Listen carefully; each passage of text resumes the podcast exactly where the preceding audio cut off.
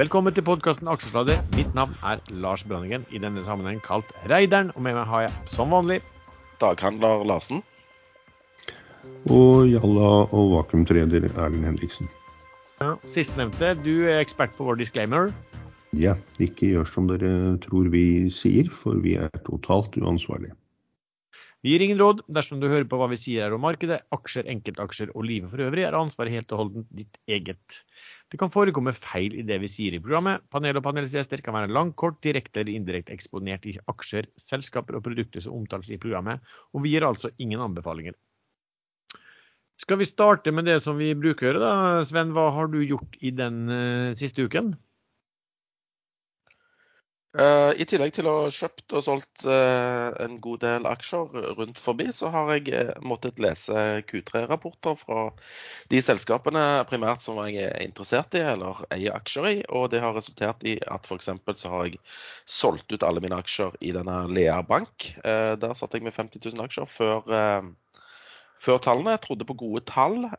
De kom egentlig inn gode tall, men det som uroa meg, det var at tapene var eh, jeg tror det var 52 millioner kroner i kvartalet, opp fra 42 millioner kvartalet før. Og inntjeningen var eh, 37 millioner. Sånn at jeg syns at den andelen eh, med tap eh, begynte å vokse litt vel mye. Så da tenkte jeg at OK, her blir det enda mer tap, eh, for disse har kun eh, forbrukslån. Så da vippa jeg ut de. Eh, ellers så fikk jeg en eh, mail fra Pareto-megler Drypp, eh, som sa at eh, dagratene i dette her kontraktsmarkedet for landrigger i USA, eh, spesielt de nedre 48 statene, begynte å nærme seg 40 000 dollar. Og denne Neighbors, som da rapporterte om dette, de steg jo 22% på børsen. Og han antyda vel sterkt at jeg burde kjøpe den Noram. Så da kjøpte jeg den på 50,9. Eh, jeg er jo en utålmodig og rask jævel, så jeg solgte det på 52, og nå er det i 56. Så det, jeg har fått tyn fra megler Drypp eh, i etterkant eh, om at jeg burde holde denne til 60. Så sånn er det. Og så skal vi se mer på listen her. Jeg har vært innom noe som heter Karasent. Jeg har begynt å kjøpe litt aksjer i Vistin Pharma.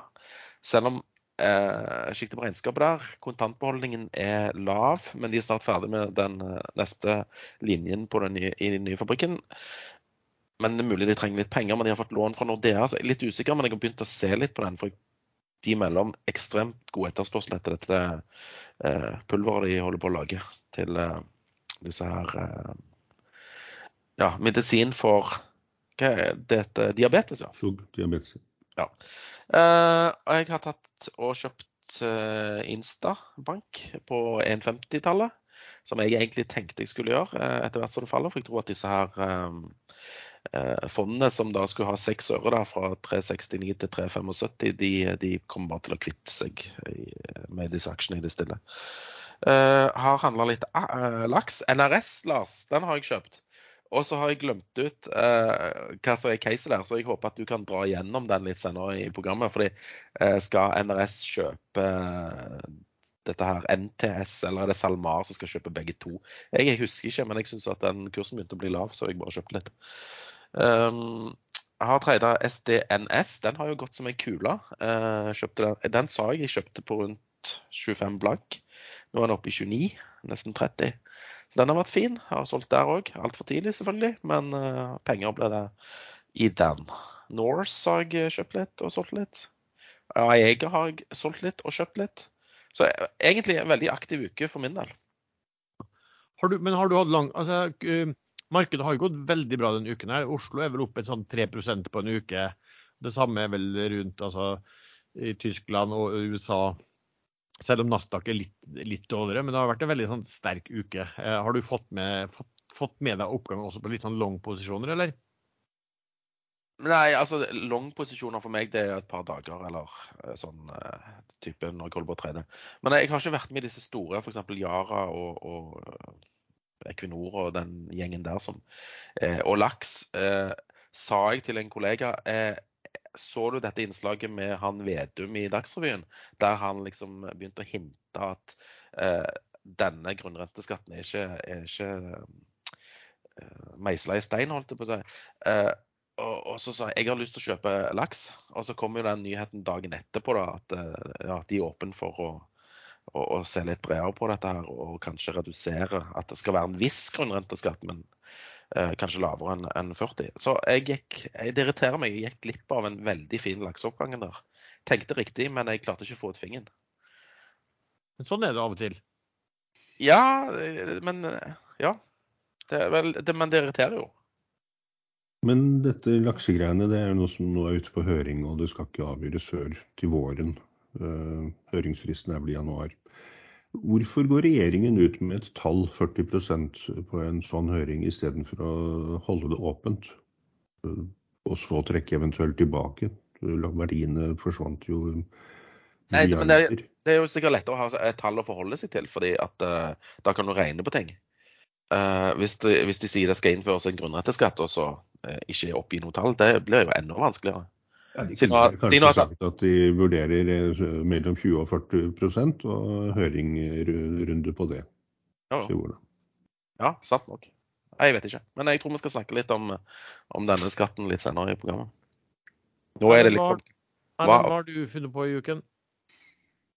Nei, jeg uh, har uh, jeg solgte meg, ja det var jo forrige fredag. Solgte Solstad Offshore. Jeg har ikke kommet meg inn igjen, og det er litt dumt, for jeg solgte på 19. Det var med fortjeneste, da, men den har jo gått helt opp til eh, Nå ligger den på 26,1. Og samme Sidril, som jeg aldri har klart å surre meg inn i, som jeg ville ha under 200, den er jo nå på 330. Så den, det er ikke alltid man eh, treffer når man sitter og prøver å fange, fange råttenfrukten nede på bunn før den råtne frukten blir fin, fin å spise igjen. Ja, ja. Men jeg har eh, istedenfor eh, Solstad så kjøpte jeg SAS og fikk med meg nesten 10 på, på en runde i konkurskandidaten. Som ligger på Jeg kjøpte på rundt 0,55, og den solgte jeg på 0,61 ca. Litt mer enn det. Ehm, og Grunnen til at den går, for den ligger jo langt langt over der de kommer til å måtte hente penger. Og da skal de hente mye penger. Uh, og det blir jo titalls milliarder nye aksjer. Hvis ikke hundretalls milliarder nye aksjer i den uh, hvis de henter på fem eller ti øre. Uh, men det er dette vakuumgreiene igjen, da. Det er lenge til det skjer, og nå ble en uh, høring som skulle vært avholdt 25.10, den ble utsatt til uh, 7. eller 29.11, husker jeg ikke farten. Og I den perioden så er SAS beskyttet mot konkurs. Eh, så det er dagens antall aksjer som tredes. Så jeg solgte den med 10% og den kjøpte jeg nå i dag inn igjen eh, på litt høyere kurs, men da fikk jeg med meg eh, over 10% i DLTX fra i går til i dag. Ikke sånn veldig stor post, men over 10% er alltid hyggelig uansett. Men den aksjen skjønner jeg rett og slett ingenting av. Det er noe krypto, og de skal uh, inn i en sånn SPAC i USA som, uh, som DLTX selv er medeier i. Og en av de største aksjonærene, den største aksjonæren i DLTX er medeier i denne SPAC-en. Så det er for meg litt sånn merkelig måte å gjøre det på. En SPAC pleier å være uavhengig av uh, selskapet som, som inngår samarbeid med dem, men her er det tydelig at det er DLTX selv. og største aksjonær som har startet opp dette. Du husker at vi snakket eh, bredt om dette i forrige episode? Jo, kanskje det. Ja, ja.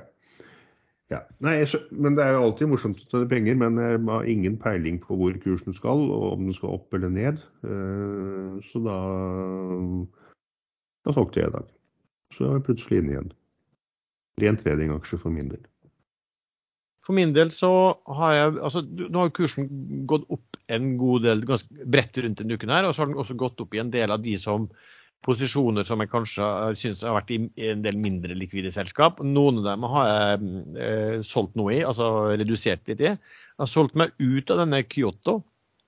Det var jo ikke noen sånn stor, stor post, men den kom veldig fint opp nå. Steg mye kraftig i forhold til at de hadde en kapitalmarkedsdag da i går. Eh, og så hadde jeg jo også kjøpt eh, eh Movi, en god del Movi. Eh, og da kom da meldingen kom om at det kanskje kom, kunne komme noen endringer eventuelt i den lakseskatten, så, så, stakk jo den ganske raskt opp også. Så da eh, kasta jeg den ut. Uh, har vel gått en par kroner etter det også, så man kunne jo godt sittet på det, men, men, gevinst er gevinst.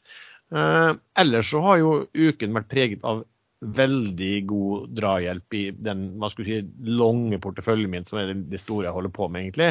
Eh, fordi altså, børsen har gått generelt bra opp, og det har dratt med seg eh, ja, Valaris i USA, som jeg snakka en god del om, har jo gått som en største posisjon, har jo gått uh, kjempebra. Um, SD, SD, Standard Drilling likeledes. Altså, der, der, suser jo verdiene bak hver aksje oppe over tre kroner. Og den har vel også gått opp da, en sånn ja, 10% i løpet av, eh, i løpet av kort tid. så, så brukt litt, altså litt tid på å, å, redusere litt i det som er kanskje mindre likvid, solgt ut noen ting. Eh, og ellers sittet med de samme posisjonene og nytt godt av at eh, ja, børsen løftet alt.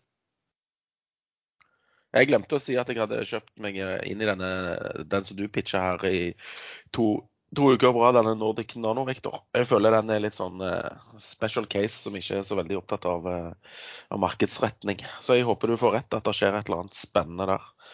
Uh, og så har jeg tradet den Calera. Det glemte jeg òg å si. Men det, den har jeg vippa ut igjen med 0,6 cent i fortjeneste. Det har vært en grise, griseaksje. Den kjøpte du i går, Sven? Ja, jeg har kjøpt den på sy... Altså, de henta 8,84 millioner dollar på kurs 0,13 dollar, altså 13 cent. Eh, aksjen åpna i går, åpner ned sånn 65-70 eh, ned eh, på, på 7 eh, cent. Så jeg kjøpte den på 7 cent blank og solgte den på 7,6 cent nå i, i pre-marked. Eh, helt tragisk historie. Men da tjente du litt under 10% gjorde du ikke det? Jo, jo.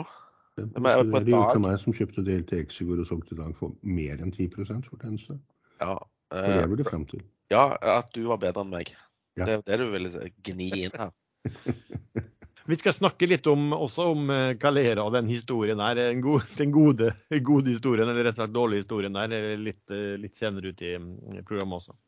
Har det vært noen emisjoner eller nedsalg eller noen debutanter og sånt denne uken, Sven? Det har det. Jeg var faktisk med på en svensk, eh, svensk eh, nedsalg i BioArctic. BOAB eh, i Sverige. Eh, fikk telefon fra megler i, i, Carnegie som gjorde den, og han mente at det var god interesse og sånn og sånn. Jeg tegna eh, for 100 000 euro og fikk for eh, 100 000 kroner, og tjente 5% på den. Helt, helt fin og grei. Og jeg setter pris på meglere som har gode case og, og bare ja, eh, sier denne bør du kjøpe, eller denne bør du ikke kjøpe. Samme meglerhus hadde òg emisjonen i Life Care eh, på Oslo Børs. Ticker Life. De skulle hente mellom 40 og 50 millioner kroner. Klarte å hente 45 millioner til kurs 250, en rabatt på eh, ganske mye. De var 3,4 dagen før eh, emisjonen. Den handla sånn type 10 øre over emisjonen lenge og opp mot 20 øre før han ramla ned til 2,40 og ligger nå rundt 2,50 eh, igjen. Så jeg ble ikke med på den, fordi at jeg kan ingenting om det selskapet der. Jeg kunne masse om det. Det var de som skulle lage eh, koronatester. Og sendte ut børsmelding og de skulle selge millioner innen juli 2020. Og det ble ikke solgt en eneste en, og det var jo bare skam hele opplegget. Kjøpte seg en tysk selskap som var finansiert med svarte penger av eh, Hva heter selskapet som eh, kjempekonkurs? Eh, det viste at det manglet en milliard euro eller noe sånt, og sjefen ble arrestert. Å oh, ja, det derre fin, fintech-selskapet fra Tyskland? Hva het det? Wire, Wirecard. Wirecard det var en gedigen scam, og når det selskapet da ble tett involvert med Lifecare, og de kom med masse løfter og børsmeldinger, og det var noe Ledelsen kjøpte seg inn i dette samarbeidsselskapet før den sammenslutningen ble meldt, så har det selskapet fått uh, hele rommet uh, fullt av røde flagg. Uh, jeg kan ikke skjønne at det er lovlig, noen burde etterforske det som skjedde den gangen. Men eh, sånn er det. Hva driver de med nå? Skal de fremdeles lage den eh, sensoren til sukkersyke som de holdt på med i mange år uten å Var det noe annet, eller var den Jeg leste faktisk ikke dokumentasjonen eh, i vedlegget. Så jeg har ikke peiling hva de skulle bruke de pengene. Jeg skulle uansett flippe det ut dagen etterpå, så jeg var ikke så interessert i hva de skulle bruke pengene på. Sånn er det. Ellers så har vi vel en debutant uh, i dag. Ja, med brask og bram kom eh, Dolphin Drilling eh, på børs. Eh, Tikker det eh, D-drill på OTC. Er det samme her, kanskje? Det, det Han burde hete DDR. Det hadde vært tøffere. Skal vi se. D-drill, ja, med én L. De handler nå på 1580. Den lå rundt 15 i, på OTC. 1550, tror jeg han slutta på OTC. Og starta 16,5 eh, på Oslo Børs i dag. Der var jeg med på emisjonen, det på 11, et eller annet. Eh, og flippa det ut på 13, var kjempehappy, og den har bare gått videre til, til 16. Så eh, ja. Rustriggene leverer. Ja, og den, den falt jo, husker du, eh, du, du traff jo egentlig ganske bra på salget, for den falt jo ned på jeg tror den var handla altså under 12 i en, en periode. Stemmer det. 11,50 tror jeg du kunne få den på. Ja, men Det er ikke mange dagene siden den var på, den var på 13. Nei. Eh, Så den har steget ganske bratt. Samme med Rigg da, i det siste, og, og også selvfølgelig i forhold til at den, den skulle inn på selve, på selve børsen, for den lå jo på unotert liste. Ja, alt av rigg ble plutselig hot i, i løpet av uken igjen. Eh, veldig hot. Og da eh, liksom Nå skal allmuen inn i rigg, og da tenker jeg ja, kanskje vi begynner å nærme oss en, en kortsiktig topp her. Eh, Men på den Dolphin Drilling der var det jo en eh, særdeles spesiell transaksjon som skjedde i det unoterte markedet på, på handel, handel der. Du fikk jo med det, Sven? Det var jo ikke egentlig en transaksjon, det var en eller annen sløv megler. Jeg vet ikke hvilket meglerhus. Men istedenfor å, å, å printe 30 000 aksjer på 13, så printa han 13 eh, aksjer på kurs 30 000. Og da ble du ganske happy og begynte å legge flytteplaner til Sveits, hørte jeg. Ja, fordi at det var jo da sånn at hvis, hvis kursen hadde vært 30 000, så, så ville jo så, var, så er jo Standard Drilling storeier, da, så indirekte ville jo da naven på den stige en, eh, to, to, 2500 ganger eller et eller annet sånt. da. Så, så alle som hadde en tusenlapp da, kunne jo øke det med til, til 2,5 millioner. Så jeg, så jeg tror jeg vel jeg fant vel ut at, eh, at hvis det hadde vært sånn, hvis, hvis, hvis, den, hvis det hadde vært et riktig kurs, så hadde liksom eh, min formue steget med 3,5-4 milliarder eller et eller annet sånt tull. Hvor mange sekunder var du papirmilliardær?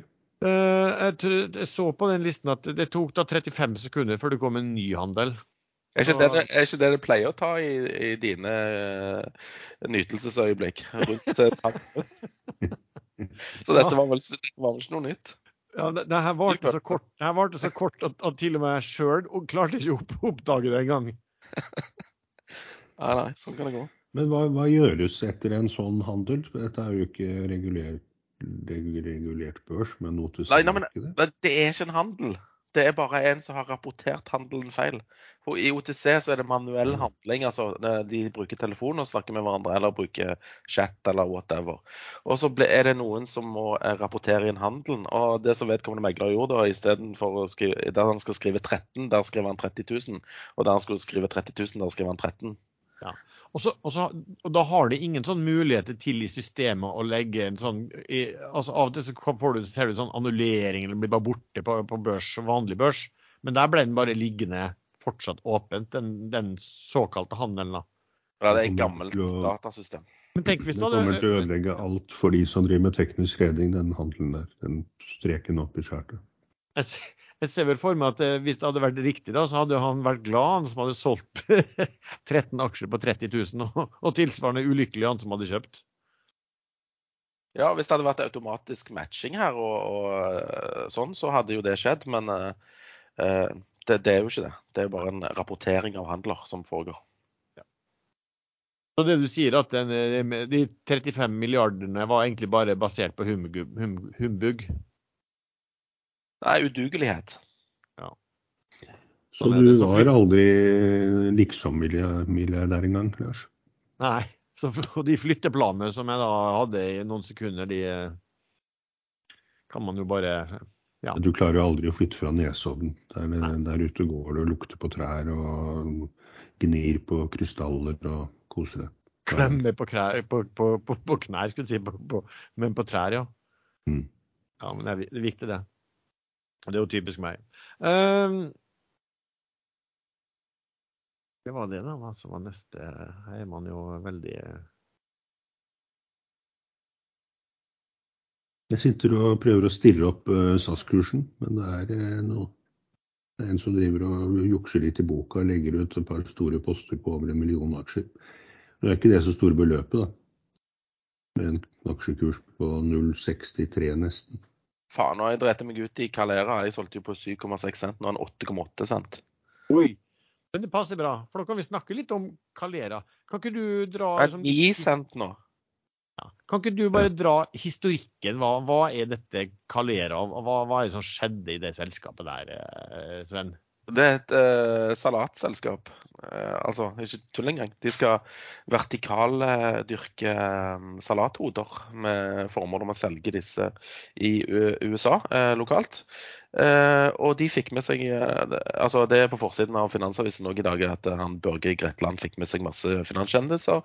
Og skulle Dette var cappa til 5 milliarder en stund, og i går var det cappa til 17 millioner kroner.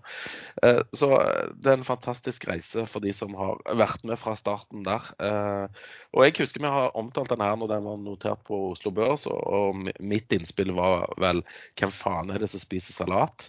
Og på samme måte som denne ASA, så har jo jeg vært skikkelig negativ til Calera. Og, og, og begge skulle til USA for å gjøre seg eh, rike. og jeg vet ikke om de har møtt på noen som er lurere enn de sjøl, eller om de er blitt lurt, eller whatever. Men eh, ja, milliardverdiene både i ASA og, og Calera har jo forsvunnet og som eh, damp for solen, holdt jeg på å si. For, for i likhet med altså, nå var det jo sånn at det var som du sier, at de, de henta jo mye penger på høye kurser. Og, og meglerhusene Jeg ser vel at eh, Finansavisen skriver at, eh, at da han var priset til 5 milliarder, så, så hadde Arctic et kursmål på, eh, på 6, altså, på, som ville prise dem til 10 milliarder. Eh, og så seig den vel veldig nedover helt til man plutselig kom med en sånn SPAC-avtale med de også. Sånn som vi har snakket om mye i forrige episode om DLTX og Alternus. Eh, og så mener jeg at det ble svært lite penger igjen i det spakket når eh, Calera eh, Alle, ja, vi, vi nevnte Calera i forrige episode òg. Alle tok jo og valgte nei, få pengene tilbake. Vi gidder ikke å Hvem faen spiser salat, liksom. Så eh, der eh, Altså, det ble ingen penger å vokse eh, med. Så de måtte jo da hente penger i går til, til 13 cent. og det, Det er jo heller ikke sikkert at de får fylt opp den emisjonen. Men hvis de får det, så går nok kursen mangegangeren fra de 0,09 centene den er på nå. Hvis de ikke får, Eh. hvis ikke de får det til, så, så blir det null, sannsynligvis. Var ikke, det, var eh, ikke den emisjonen fulltegna? Jeg, jeg, jeg, eh, jeg leste ikke nøyaktig i går, men jeg så at eh, prisingen av emisjonen Og da pleier liksom den være dekka på 8,84 millioner eh, dollar. Så jeg Ja, det er mulig. Sånn, sånn som jeg leste det, Sven, så leste jeg vel sånn at de var ute i markedet og skulle hente penger. til 13 cent. Det er jo litt vanskelig når han er på Ja, pluss, pluss at de fikk en masse warrants da, som løp i fem år på samme, Ja, ja, ja, stemmer det. Ja. Jeg så en kommentar i går at hvis de får til dette, her, så kommer kursen eller da går den høyst sannsynlig først en kjapp dobling og så tigangeren etterpå. Det, det er jo sånn som ofte skjer med disse aksjene som faller så ekstremt i kurs. Ja, Men altså, de skal jo trykke en del aksjer da, hvis de skal hente 8,84 millioner på 13 Altså, du kan ta 8,84 og dele på 0,13, så ser du hvor mange nye aksjer eh, det blir. Det er ikke sant? Men nå ligger kursen eh, godt over tiganger, eller fra nå opp til 0,13 er det jo godt over tiganger. Hvis de får til Eh, det var vel en litt spesiell jeg Sa ikke du at kursen var på en 8-9 øre nå? Jeg er 8-9 cent. Cent. Jeg Ja, han er bare- jeg kom med. 9 cent akkurat nå, og i går var han 7 cent. Ja, Så hvis og- jeg da ikke skulle være så jævla lur å selge denne her på en 7,6 cent og trodde han skulle dippe på Open, for det var så stor salgspress i går, så hadde jo jeg tjent masse penger her nå. Og kunne Ja, men- at jeg hadde 20, eller 30 og Moderne sine 10 Men, eh, den- Men det, selskapet, var, selskapet var jo priset til så lite penger, Sven, at det kan jo ikke vært noe særlig volum å få tak i. Jo, der gikk jo, eh, der gikk jo sinnssykt med aksjer i går, skal vi se. 57 millioner aksjer. Jo, men eh, OK. Men eh, hva sa du, ble, ble det ikke en pris på sju øre? Var ikke det en pris til en sånn 10-15 millioner kroner eller et eller annet sånt? da? Altså helt latterlig beløp. Jo, 17 17, millioner. 17, 17 millioner kroner. Ja. Så det var jo, Men det kan jo gå konk, og da er det jo 17 altså, ja, men, Det er jo fortsatt 100 nedside. ja, da, jeg bare tenkte at hvis du, du, hvis du hadde kjøpt for 170 000, så hadde du jo eid 1 av hele selskapet. bare. Ja, ja, det er sant. Men jeg kjøpte 50 000 aksjer, da. Ja. Og tjente noen tusenlapper i dag, og jeg ser nå at jeg eh, var dum. Men Calera hadde jo en fantastisk for en periode siden. Det var, altså, det var i forbindelse, og det, det tror jeg vi må snakke om i um, podkasten vår, for vi har snakka om den noen gang. og det var jo at de hadde en presentasjons, eh, noen slides i forhold til at de, de skulle gjøre en, en emisjon, vel. Og hvis jeg husker riktig, så var det vel sånn at de der, der hadde de altså oppgitt noen tall som så veldig bra ut. Og alle folk, siden de hadde brukt, eh, de hadde brukt dollar ellers i, i eh, presentasjonen, så regna folk med at det var dollar der også. Men der de måtte liksom eh, presisere senere for at det var ikke dollar, men det var var det, var det, per, var det sal, antall salathoder i stedet? Jo, jo, antall salathoder. Men hvor mye koster et salathode? Kanskje det stemmer at det koster en dollar? Nei, tror du det? I, i, som, i, som en varelager for disse her, på en måte? Jeg vet ikke. Nei, nei, utsalgspris, tenkte jeg. Ja, men de selger jo det videre til noen, så selger de videre til noen. Da. Ja, ja. Men det var en Nei. på Ekstramester som hadde misforstått det enda verre. Han, eh, han så at de skulle lage 3000 plans, så trodde han det var 3000 fabrikker, og tenkte at dette er jo bare å kjøpe. Men det var da ikke fabrikker, det var vel de 3000 salathodene. Eller 30 000. ja, det hørtes mye ut med 3000 fabrikker. Som skal, ja, like mye. som skal dyrke salat på snor, liksom, oppigjennom. OK. Et annet selskap som jo har fått mye juling i det siste. Men Lars, eh, bare Ja. kort kommentar. for det, Dette Arctic-kursmålet på 10 milliarder, og så endte den opp på 17 millioner. Det minner jo veldig om din historie med 3,5 milliarder som ble til eh, nesten ingenting noen sekunder etterpå. Ja, faktisk. Det gikk ikke. Altså, men det må man si. Det, her, det er jo en, en ting som er litt interessant med det. Det er jo anskueliggjør også hvor utrolig vanskelig det er å sette en verdi på, på selskap som nærmest altså som er helt sånn venture, sånn tidligfase der de, der de ikke har inntekter og der de har egentlig ikke produksjon, og, og man håper at man har en teknologi som fungerer, og håper at man har kunder som vil kjøpe det til, og at man klarer til denne prisen. Det, det sier jo bare litt av hvor utrolig ja. Men dette kan umulig være rakettforskning. Eh, å dyrke salater, eh, salathoder, eh, selv om det er innendørs, eh, og at det er vertikalt. Det, de må jo ha testa dette ut. Nei, Ah, ah. altså, Det var uten bruk av jord, hvis det var på Finansavisen også. Så det skulle vokse raskere, renere og mer bærekraftig. Altså, det, er vel, det er vel brukt jeg tipper at det har Altså Her har man sett at det er en kjempehype på noen ting, og så har man løpt som bare det. Og hvis jeg er litt slem nå, så vil jeg kanskje si at hvis det er noen som står bak selskapene her, som har vært gode kunder av meglerhus før og kanskje er litt finanskjendiser, så er det lettere å få meglerhus til å si at ja da, dette skal vi ta ut i markedet, og det bør prises til. Tenk, Jeg, tenk, jeg, jeg, tenker, jeg tenker at de lo eh, rått. Ja, det finnes ikke noe grønnere enn salat. Ikke sant? Når de eh, liksom Snakk om grønnvasking. Ja. uh, men OK, la oss hoppe litt videre. Uh, forrige episode så snakket vi jo om uh, Bergen Kaboom, Bergen Carbon, som hadde falt en del på børsen. Eh, vi viste seg at eh, Saga hadde kjøpt, og eh, vi hadde også kommentert at han Saga hadde vel solgt, når rett skal være rett. Ja, det er riktig. Det, det må presiseres. Det var sånn det var. Um, men vi snakket jo også da om at tidligere toppsjefen Sagmo et han, som også er ivrig på å kommentere på Twitter, hadde skrevet at han skulle da inn og kjøpe aksjer i selskapet. Hva ble, når vi så på aksjonærlisten, hva ble resultatet av det, Sven? Ja, han eh, bladde opp skikkelig og kjøpte 3500 aksjer. Eh, ja. Man skal vel ikke le av det, da. Det er bedre enn null, da. Men uh, det er mulig han hadde lagt uh, ordren for lavt, at han ikke fikk full fill. Jo, jeg fikk, vi fikk aldri en Fikk aldri en Og han kan ha flere aksjekonti òg, da. Sånn at på andre andre rettssubjekter, holdt jeg på å si. Sånn han er legal entities. Um, ja, men han, han solgte jo det er vel, Nå begynner det å bli litt mindre enn et år siden. Da solgte jo han ut aksjer, tror jeg, i løpet av, altså solgte, i løpet av kort tid så solgte han aksjer tror jeg var for noen og 40 millioner.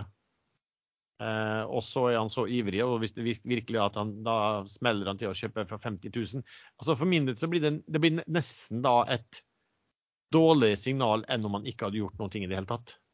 Men det som er det fine, han har jo lovet at han ikke skal selge noen aksjer i desember heller, når lock-upen eh, utløper. Ja. Så det er jo lurt. Da kan få Saga nå har ikke, vet ikke om de, de har vel ikke solgte vel ikke noen ting på tirsdagen, etter det jeg kunne se, men de har solgt dagene før, i hvert fall også, på, også på mandag denne uken. her, Og de har vel solgt da en, eller 2,5 millioner aksjer. De har solgt eh, Saga nå. Så de har jo redusert sin beholdning en god del, og, og også sørget for at det har blitt et bratt kursfall. Men den er faktisk dagens taper i dag, ser jeg, med nedgang på, på ja, litt over 8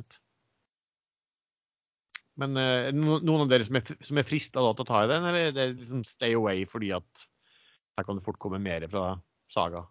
Ja, det virker som Saga egentlig skal ut. De satte jo den blokken på 2,5 millioner aksjer, eller 2 millioner aksjer, for en stund tilbake på, på 30, var det vel. Eh, ja, jeg husker ikke helt det kurset. Så det virker som de er på vei ut, og kanskje de har liksom mista litt troen på produktet. Så ikke vet jeg. Nei, de har igjen, i hvert fall igjen en eh, ja, 4,6 millioner aksjer hadde de igjen på tirsdag, i hvert fall. Det er ikke lenge siden de hadde over 10 millioner, vel? Eh, Ja, de har jo solgt seg ned flere, noen flere runder, så, og de har jo gjort en, en, en riktig fet gevinst på, på hele mm, posisjonen. Altså, vi var jo med, eh, Sven, og, i denne pre-IPO-emisjonen i Bergen Carbon Solutions. Du, hvilken kurs var det som var, var emisjonskursen da?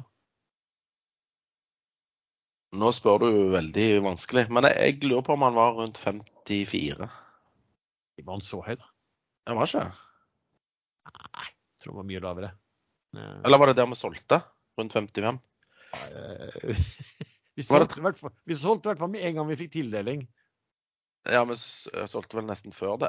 Ja, ja før vi har fått dem, ja. Det er riktig. Vi, Nei, vi fikk sånne signaler. Ja, det vil bli mulig å selge den eh, if issued. Og, Så han var jo ikke egentlig utstedt ennå før vi solgte. nei, det er riktig. If issued betyr jo egentlig at aksjene altså Den de skulle vel godkjennes i noen generalforsamling. Det, var, vel, det visste man ville gå gjennom. Da, men Ja, da- handelen er subject to at, han, fakt- at aksjen faktisk blir utstedt. Blir, Ja. blir ikke aksjen utstedt, så reverseres handelen. Riktig.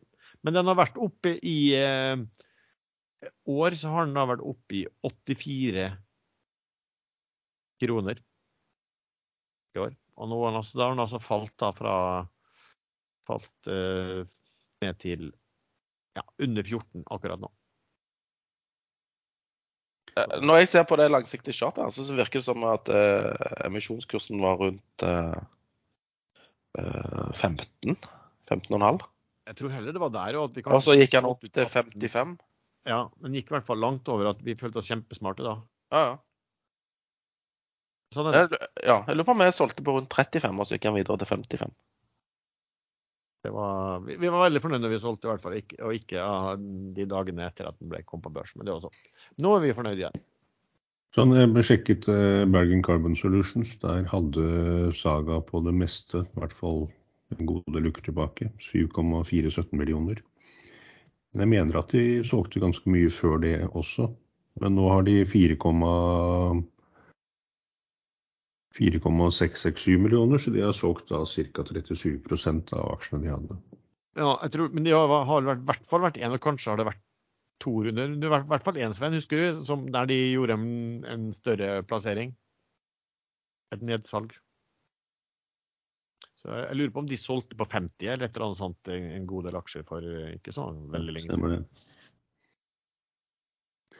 Ja, ja. Det er sånne produkter. eh, Mulighetene virker jo enorme, og de skal, de skal også lage grafitt, eh, mener de å kunne lage. Eh, Men hvis det ikke funker, så er det jo null verdt. Men, hør, vi, altså, men samtidig, vi, man skal ikke ta Selv om noen uh, som etter hvert sitter vel ikke i styret heller lenger nå, uh, selger seg ut, så betyr jo ikke det at selskapet i seg sjøl, virksomheten, skal være noe uh, mindre verdi, eller at det har, no, har, har noe mindre fremtidshåp til de. Nei, det gjør ikke det. Men det har vært litt rart rundt Hans Hagmo og måten han eh, trakk seg ut av. Og... Så det er en annen aksjonær uh, som gikk ut i pressen og sa at han hadde mistet tilliten. Så det, er, det begynner å bli sånn high risk. Uh, vanvittig oppside hvis det produktet funker, og hvis de får avtale med japanske uh, Memory of Understanding-partnerne. Men uh, 100 nedside hvis produktet funker.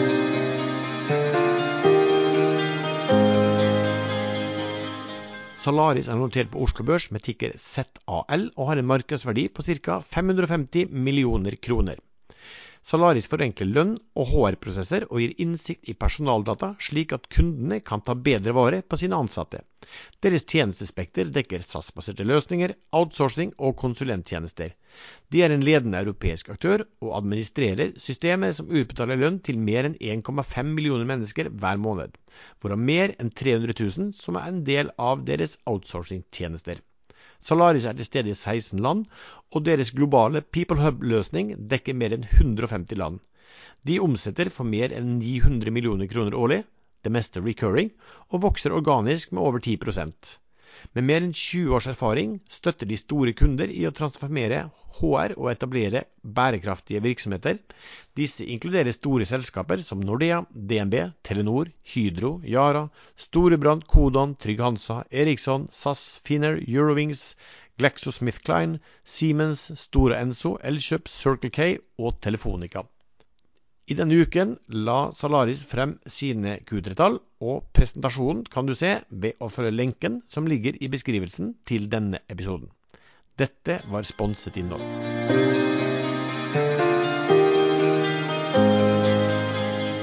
Eh, oppdrettsselskapene fikk jo en sånn fin opptur på noe litt sånn nye signaler. Eh, Erlend, har du fulgt med? Hva, hva, er det liksom når man begynner å snakke om, eller hvilken nye tolkninger og signaler som kan komme på denne grunnrentebeskatningen? Nei, så Først så kom det jo fram at det blir ikke en del av statsbudsjettet. Eh, og Da sa Vedum at dette er ikke noe SV da skal være med å bestemme. Det blir eh, høringsrunde eh, avslutt i januar, og så blir det vedtatt ut i april en gang. Hva som da blir endelig. Og Han signaliserte også at det var ikke noe must for dem å måtte holde på denne 40 %-skatten. og Nå har Støre sagt det samme, antydet det samme i en artikkel i Financial Times. Så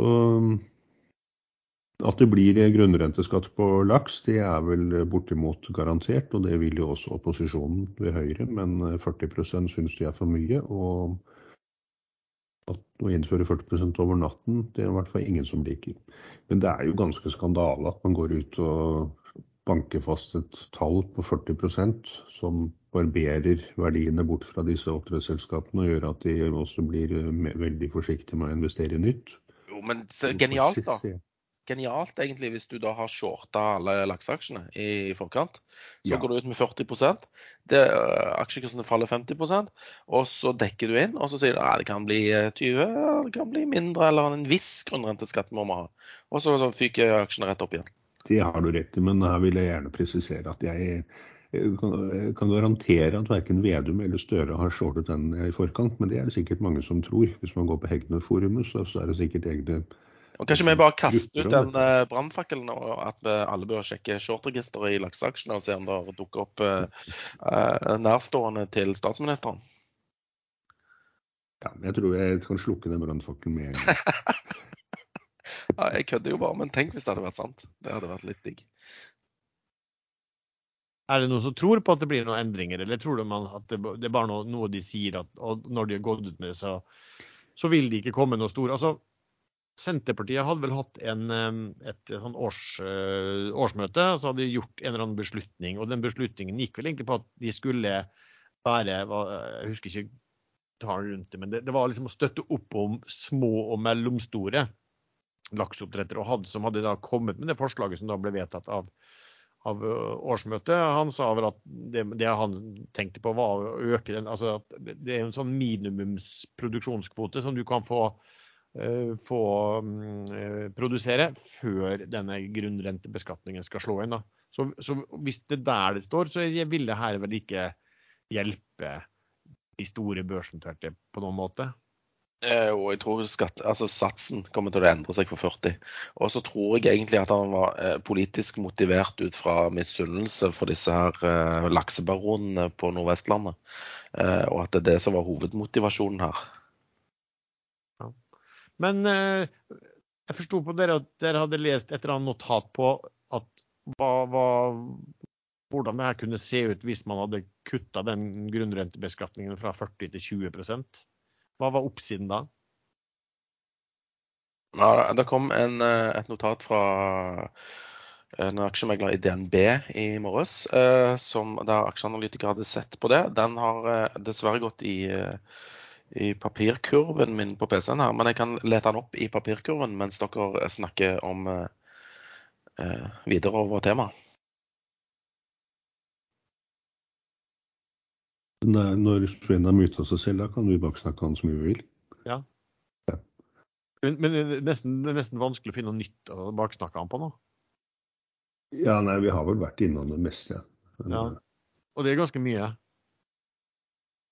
Ja. nei, vi skal ikke snakke om eh, kroppsvekten, f.eks. Sånn. Nei, den begynner vel å nærme seg all time high. Skal vi se ja, eh, Hvis uh, skatten Ja, hvis du forutsetter at skatten blir 20% uh, istedenfor 40 så så skjer should rebound another 20 sier de her. SalMar er den som da burde gå opp 43% mens Movid 11% og LSG 16% Og Måsøval bare 2 jeg vet ikke hva, hvorfor Måsehval SalMar er opp uh, Hva er det for noe? 9 det står der? I dag? Ikke i dag. Nei, det var, det var en annen aksje. Jeg så helt Jeg leste helt feil. I dag er SalMar uh, ned 0,8 Men det, men hør, ja. men, men hør hvis, hvis man tror på at det her har en fair sjanse til å skje, så, så burde det jo være no-brainer å kjøpe eh, de aksjene da, og kanskje spesielt eh, SalMar. Helt riktig. Men, eh, men, jeg har kjøpt den NRS, Norway Royal Salmon, for den har falt sinnssykt. Ja. Men, og siden vi er inne på dette med laks, hva er caset der? Skal de kjøpes, eller bli kjøpt opp, eller skal de kjøpe noen? For jeg har glemt ut hele storyen. Og du hadde jo stålkontroll på dette. Yes, og det, sånn er det. Uh, SalMar har inne et bud på um, NRS, der du skal da få 0,303933 aksjer i SalMar og pluss 52,84 i cash per aksje du har i NRS. Men ja. Det avhenger jo av at den dealen endelig går gjennom, og den er ikke ferdig gått gjennom ennå. Og i avtalen står, som, som, er inngått med avtale mellom partene, så er det jo som vanlig dette her med at du tar bl.a. forbehold om at det ikke skal skje noen spesielle negative endringer ikke sant, før dette her er gjennomført. Ja, men de endra jo den datoen i en generalforsamling, disse SalMar, i, i går, uh, var det vel. Eh, at den datoen for gjennomføring er nå åpen. Altså, det er ikke en frist lenger. Nei, det, det er mulig uh, at den er satt lenger frist. For den trakk ut i tid, da. Men spørsmålet her er det, altså det som er spørsmålet er at jeg vet, jeg så på det her for ikke så mange dagene siden, og da var vel egentlig NRS priser sånn ca. 10-11-12% under det bytteforholdet. Som gjør, som gjør, at folk Det betyr jo egentlig at folk er litt engstelige for at da ikke den dealen blir av. Som, som i og for seg naturlig er. ikke sant? Fordi at det, Hvis du tenker at, du, at SalMar skal betale en del i aksjer og en del i cash, så er det jo sånn at når, når aksjekursen på SalMar har stupt etter denne grunnrentebeskatningen, så utgjør da plutselig cash-andelen en mye større andel av det totale vederlaget. ikke sant? Ja, ja, ja. Ergo blir det en dårligere deal da, for uh, SalMar. Og så er det jo litt spesielt at nå gikk jo hun av, hun toppsjefen i SalMar. Hun har vært der i fem måneder. Hun gikk vel nå på dagen. Um, og, og, og, de vil ikke si hvorfor, da. Det kan jo, kan jo være alle mulige grunner. Fra at man er uenig om et eller annet, til at uh, altså kunne være at, at uh, hun må vel jobbe sikkert som toppsjef der, så må vel jobbe på, på, på Frøya. Og det kan være at ikke man trives der, for alt man vet. Uh, Men det kan jo også være at man er uenig, en uenighet om f.eks. en så stor transaksjon skal gjennomføres. da. Ja, men jeg, jeg leser nå protokollen fra eh, den ekstraordinære generalforsamlingen i SalMar. Uh, og der har de vedtatt bortfall av fristen for gjennomføring av fusjonen. Hvorfor gjør de det da, hvis de ikke har tenkt å gjennomføre den? Nei, de har vel tenkt til det fortsatt. Altså, eh, det du kan tenke deg, er at kanskje at de har lyst til å vinne litt tid. Okay. Eh, også fordi at det kan komme endringer i, eh, i eh, den grunnrentebeskatningen, f.eks. Mm. Ja. Men uansett, jeg kjøpte litt. Jeg vet ikke hvor lenge jeg sitter på det. Jeg ser at nå handler sammen på 125-tallet. Men jeg var ikke ferdig å kjøpe i går, så jeg mulig jeg kjøper litt til. Og, fordi at hvis den, dette da går gjennom, eh, og SalMar er den med størst oppside, så er det jo oppside i denne her eh, NRS-en òg. Ja, det er riktig. Du er jo, da, du, er jo, du er jo da eh, ikke sant, Hvis du har da Kan du prøve å regne ut da på 0,3039 ganger eh, kursen på SalMar. Så legger du ut et par og 50 på toppen av det også. Da er du vel på et sted det da, på 150, jeg ikke regna på det. Men eh, hva var det du sa at den var på nå, den eh, NRS-en?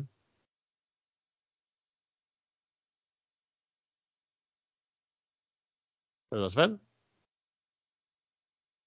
Jeg driver og jabber og jabber, men jeg hadde muta meg sjøl. Skjønner hvordan det føles. nå skal jeg ikke si noen ting. Sven. Nei, men var, var det 0,339 ganger SalMar pluss 52? 0,3039. 3039. OK, da må jeg ta det en gang til. Det er 152,70. Jeg takker for oppdateringen. Nå forstår jeg eh, det store bildet. Så egentlig på dagens SalMar så, kjøper, så er NRS-en verdt 152, men du får den på 126 eh, hvis fusjonen går igjennom.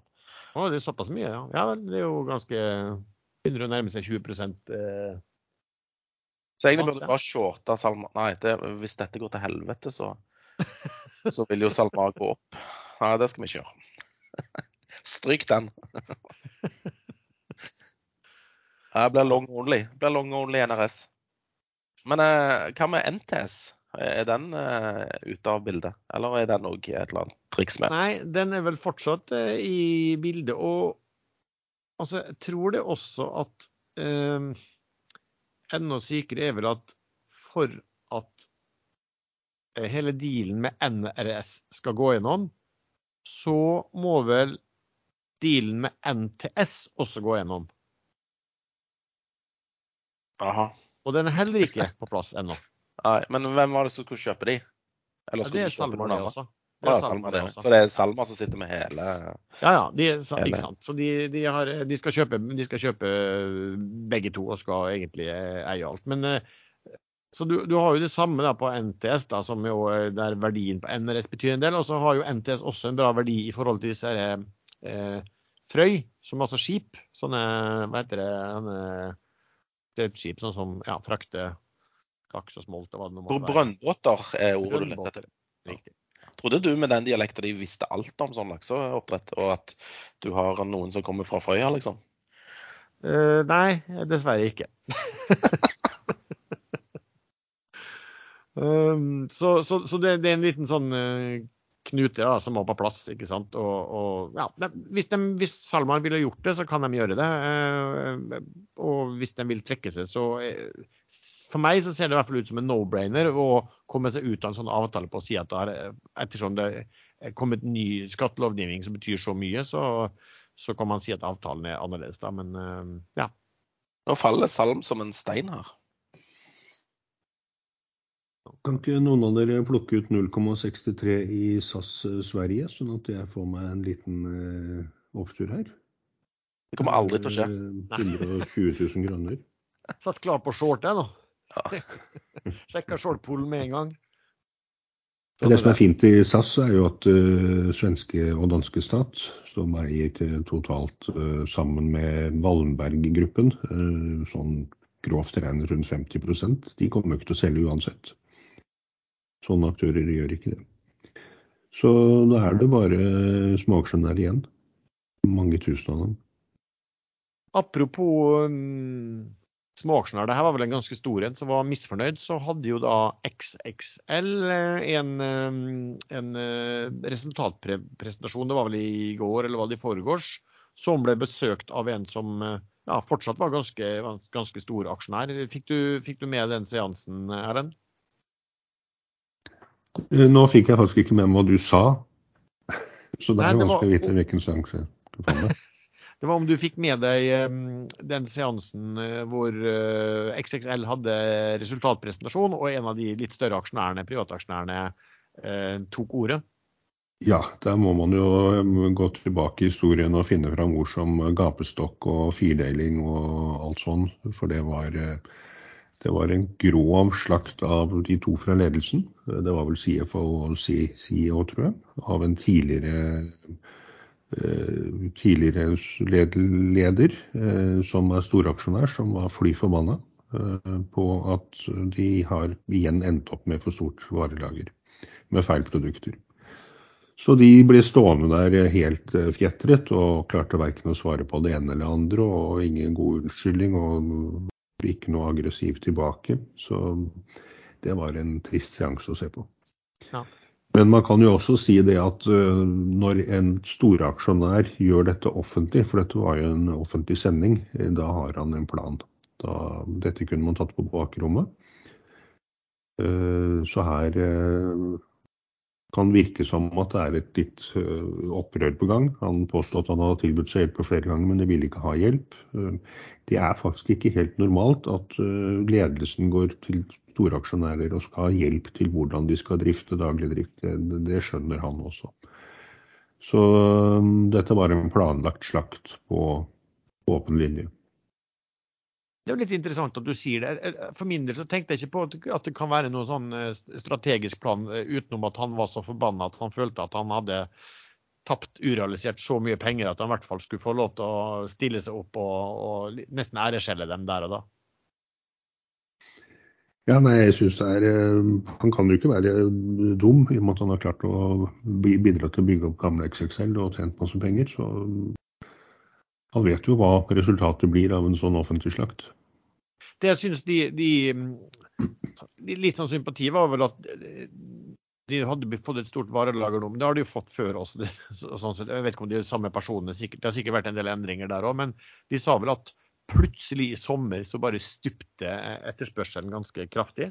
Det sånn, sånn strategisk som var interessant da med han, hva han sa, han eh, som slaktet dem, var vel at han Det hørtes ut på han som om XXL hadde gått fra å være en, eh, en, en aktør, altså en lavprisaktør, til en som heller skulle prøve å selge dyrere uh, varer. Ja, det er riktig. Så man kritiserte strategien nå. Man sa at XXL kan kun overleve hvis de er en, kjent som en lavprisaktør. Ellers så ja. Det er jo masse konkurrenter. Fjellsport, eh, masse nettbutikker. Amazon er vel konkurrent. Eh.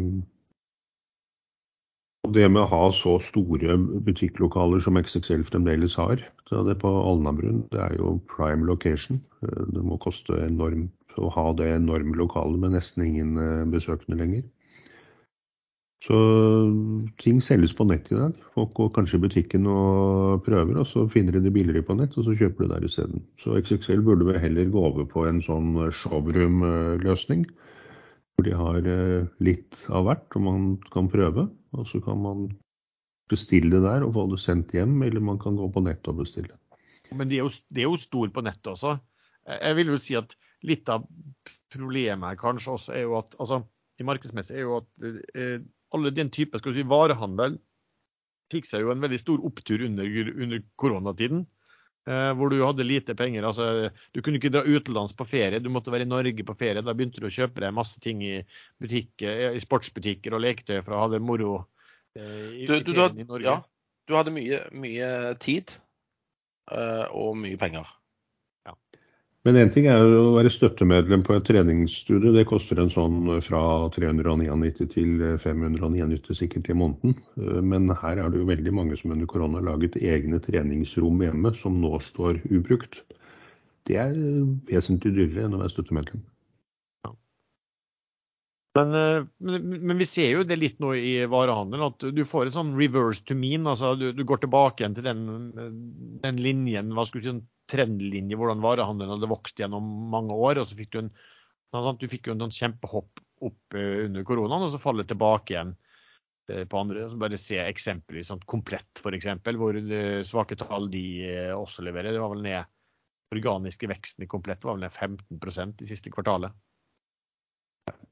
Men det er jo sånn til XXL-ledelsens unnskyldning, det har ikke vært lett å planlegge for sånne store aktører for det inflasjonen som kom fort og brutalt. Og det, det, de selger, er jo akkurat de tingene som folk kan vente med å kjøpe, eller droppe å kjøpe. I tillegg til at det var solgt veldig mye allerede under korona. Så Mulig at han gamle sjefen tror at dette er veldig enkelt å bestille det man vet kan selge, og så selger man det billig ut. Men øh, spørs nok om han hadde klart noe bedre enn de har gjort det selv. En annen sånn bekymringsdel for XXL er jo hva de har gjort med et sånt eh, aksjekjøp fra ansatte. For det var vel en del ledere som kjøpte mye aksjer. Eh, og så fikk de da eh, mye lån fra selskapet for å kjøpe aksjer også. Eh, og hvis jeg skal tro eh, Dagens Næringsliv, så var det vel slik at han som var styreleder, hadde fortalt uh, offentlig at jo da, den, altså de lånene ville de henge på også. Dette var helt reelle kjøp. Så viser det jo seg nå når kursen faller da, og at de taper penger, er at, det er jo at hvis de ikke klarer å betale tilbake lånet med de aksjene de kjøpte, så, så er det XXL som må ta tapet på det. Og da, da, og da, blir jo det signalet, selv om de taper penger uansett, og det, det, det er et bra signal, så er ikke det signalet så sterkt som man hadde som, som, kanskje folk som kjøpte aksjer basert på den informasjonen, da, ville tro. Dette høres ut som noe som skulle vært fordelsbeskattet, spør du meg. Hvis ja, XXL sikter med risikoen. Ja, i hvert fall en del av risikoen. Det er faktisk et, et, godt, et godt, argument um, for at noen bør ta en titt på det. Du snakka jo, eh, jeg vet ikke om det var forrige eller for en episode før der igjen, Erlend, så snakka du en del om Nordic Mining. Og nå har jo Nordic Mining eh, kommet med melding om at de hadde sikra seg finansiering, obligasjoner til 16% rente. Hva, hva, tenker du om det, Erlend? Det er eh, dyrt, men eh, å drive gruvedrift i Norge Dette er den første gruven som settes i gang på over 40 år. Eh, så det er ingenting som er tilrettelagt fra myndighetene for å starte gruvedrift. Og det må de faktisk. Eh, de jobber nå med en ny gruvemelding, så vi ser hvor, hvor bra den blir. Men eh, Erna Solberg skulle jo satse stort på mineralnæringen da hun tiltrådte i 2013, og det ble det ingenting av. Så tiden går, årene går. Det er enorme investeringer. Gruvenæringen er ganske uglesett i Norge. Det er ikke så lett å finne investorer, så da, da blir det dyrt. Men nå har de klart å skaffe 80% av finansieringen, og resten skal de kjøre en emisjon på. Den har de allerede varslet. Men med da, det var vel over 16% kostnader for det, den obligasjonen. I tillegg til at de fikk et lån på totalramme på 600 millioner kroner ca., som som faktisk vil koste dem 11% av brutto inntekter i hele gruvens levetid. Da begynner, da begynner aksjonærene å regne litt på dette og finner ut at her forsvinner det mye penger. Men det sagt så, så er beregnet nedbetalingstid på hele investeringene og på Capex-investeringene i gruven på rundt fire år med dagens eh, mineral- og metallpriser. Så obligasjonslånet kan de vel kanskje finne på å kjøpe seg ut av. Eh, så at det blir eh, det blir noen eh, år i første omgang uten noe særlig netto fortjeneste. Så klarer de å få løst seg ut av noe av dette, her, og da skal det ligge veldig mye penger i den gruven. Så vi får se. Hva tenker du Sven, om liksom rentenivået du ser på den type selskap? Nei, jeg syns jo i motsetning til f.eks. Uh, Bluewater, som òg er ute i markedet med å hente penger. Uh, Bluewater er en uh, FPSO-operatør som har fem FPSO-er, hvorav tre er på til dels lange kontrakter. Stabil inntjening osv. De betaler 12% rente i den obligasjonen sin, men den gjøres på nivå 94 til 95. Han er ikke satt ennå. Og, og, Det betyr at de betaler også opp igjen rundt 15 eh, for sin finansiering. Eh, I et selskap som jeg syns virker sikrere enn dette her eh, Nordic Rutile. Uten at jeg Ja, jeg vet ikke om du har pant i, i, i malm eller hva du har. Men det, ja, men det, det, det å finansiere seg i obligasjonsmarkedet for tiden i, i litt sånn high yield virker veldig dyrt. Og så kan du f.eks. se på DNB, som uh, satte en milliard i en ny fondsobligasjon i går. Uh, kurs 7, uh, altså gilt 7,74 uh, Både en fast og en, en flytende transje der.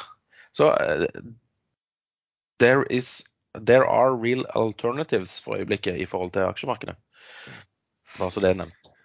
Men eh, hvis eh, regjeringen mener alvor i at man, Norge skal satse på gruvenæringen, og, og, det ligger enorme verdier i gruvenæringen, også skattemessig for både kommune og, og staten etter hvert, så må de lage en eller annen løsning som tilsvarende oljebransjen har. Det har gruvebransjen sagt i mange år. og verken Høyre eller Arbeiderpartiet har eh, vært veldig lystne på det, men det, det, må til. Det koster så enormt å bygge opp selve gruvefasilitetene. Eh, og prøveboringer alt i forkant, men her tas all risiko på investorenes kappe. I oljebransjen så, så, er det i prinsippet staten som tar risikoen på sin kappe. Og det burde ikke være så veldig vanskelig å få innført i gruvebransjen. Vi trenger disse mineralene og metallene. Ellers så blir det ikke noe grønt skifte, og da kan hele miljøbevegelsen gå og grave seg ned.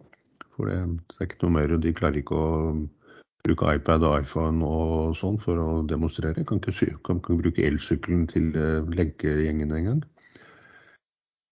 Så eh, de må tenke nytt og litt sånn alvor. Og få uh, en ramme rundt, rundt, det som gjør at det faktisk lønner seg å bygge gruver i Norge. Og hvis man ser på kartet, prøv å blåse opp kartet litt og finne ut hvor stort dette Engebøfjellet er. Det er bare et liten nålestikk på, på enormt, enorme landområder i Norge. Vi må kunne bruke litt av naturen vår. Det har Norge alltid gjort. Det er derfor vi er rike. Det dagens tordentale. Du, Sven. Eh, DNB fondsobligasjoner på nesten 80 høres jo egentlig veldig interessant ut. Kan du bare fortelle, hva, hva er en fondsobligasjon?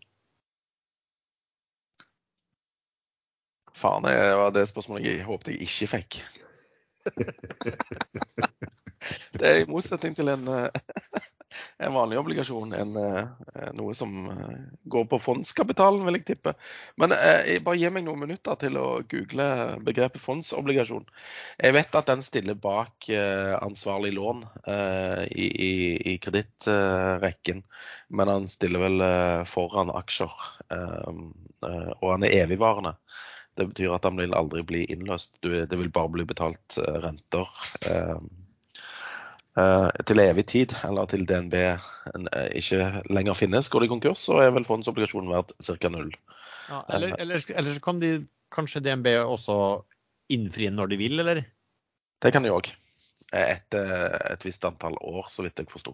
Men uansett, litt interessant at DNB henter penger til 7,74% For de har jo tenkt, altså de henter en milliard, og de har vel tenkt å låne ut denne milliarden igjen. Og da lurer jeg på til hvilken rente har de tenkt å låne det sier jo litt om mulighetene. Men da tenkte jeg skulle også bare dra det over til eh, på dette med rente og når man begynner å regne på hva selskap skal være verdt. Et veldig sånn interessant eksempel nå i Skatek. Det var vel DNB som nå i uka jeg husker ikke helt hvordan de gjorde det, men de kutta voldsomt i kursmålet. Kutta de ned til fra 100 til 70 eller et eller annet sånt. Det var i hvert fall langt ned, da. Og årsaken til det var, var ikke noen ny informasjon per se fra Skatek, men det de gjorde regnestykket nå på, var at de så at eh, obligasjonen eh, i Skatek nå ga litt over 9% rente. Eh, og da fant de vel ut at ja, for å, hvis du kan få 9% på lån til dem, eh, så mm, må du jo ha ca. 4 prosentpoeng da, mer for, eh, for egenkapital. Som jo står bak i køen og har høyere risiko. Så da regna de ut at det betydde per definisjon at du måtte ha sånn ca. 13% avkastning eller markedet sa at du måtte ha 13% avkastning på egenkapitalen din på nye prosjekter. Så det de gjorde da, var at de regna på prosjekter som, som, som, de kan altså sette i gang, som ikke allerede er i gang, men som kan settes i gang framover, hvor de har en sånn skikkelig utviklingsportefølje, eller hva det måtte kalles. Så regna de på at nei, siden den bare hadde en internrente på 12% til egenkapitalen, mens de hadde da regnet på dette litt sånn teoretisk at eh, man måtte ha 13% for å være fornøyd, så var den eh, utviklingsporteføljen verd, verdsatt, ble da verdsatt til null. Og Ergo så mm, de, kom det fram til mye lavere altså net asset value, da, eller en verdi på, på Skatek, så det var kutta. Det er litt en sånn interessant måte å, å, å, tenke på. for det er klart at Hvis du begynner å se på hvordan obligasjonsmarkedet altså, eh, Hvordan de priser låner til en del selskap, og du skal bruke det samme måte, samme tankegang også for om de selskapene skal gjøre investeringer.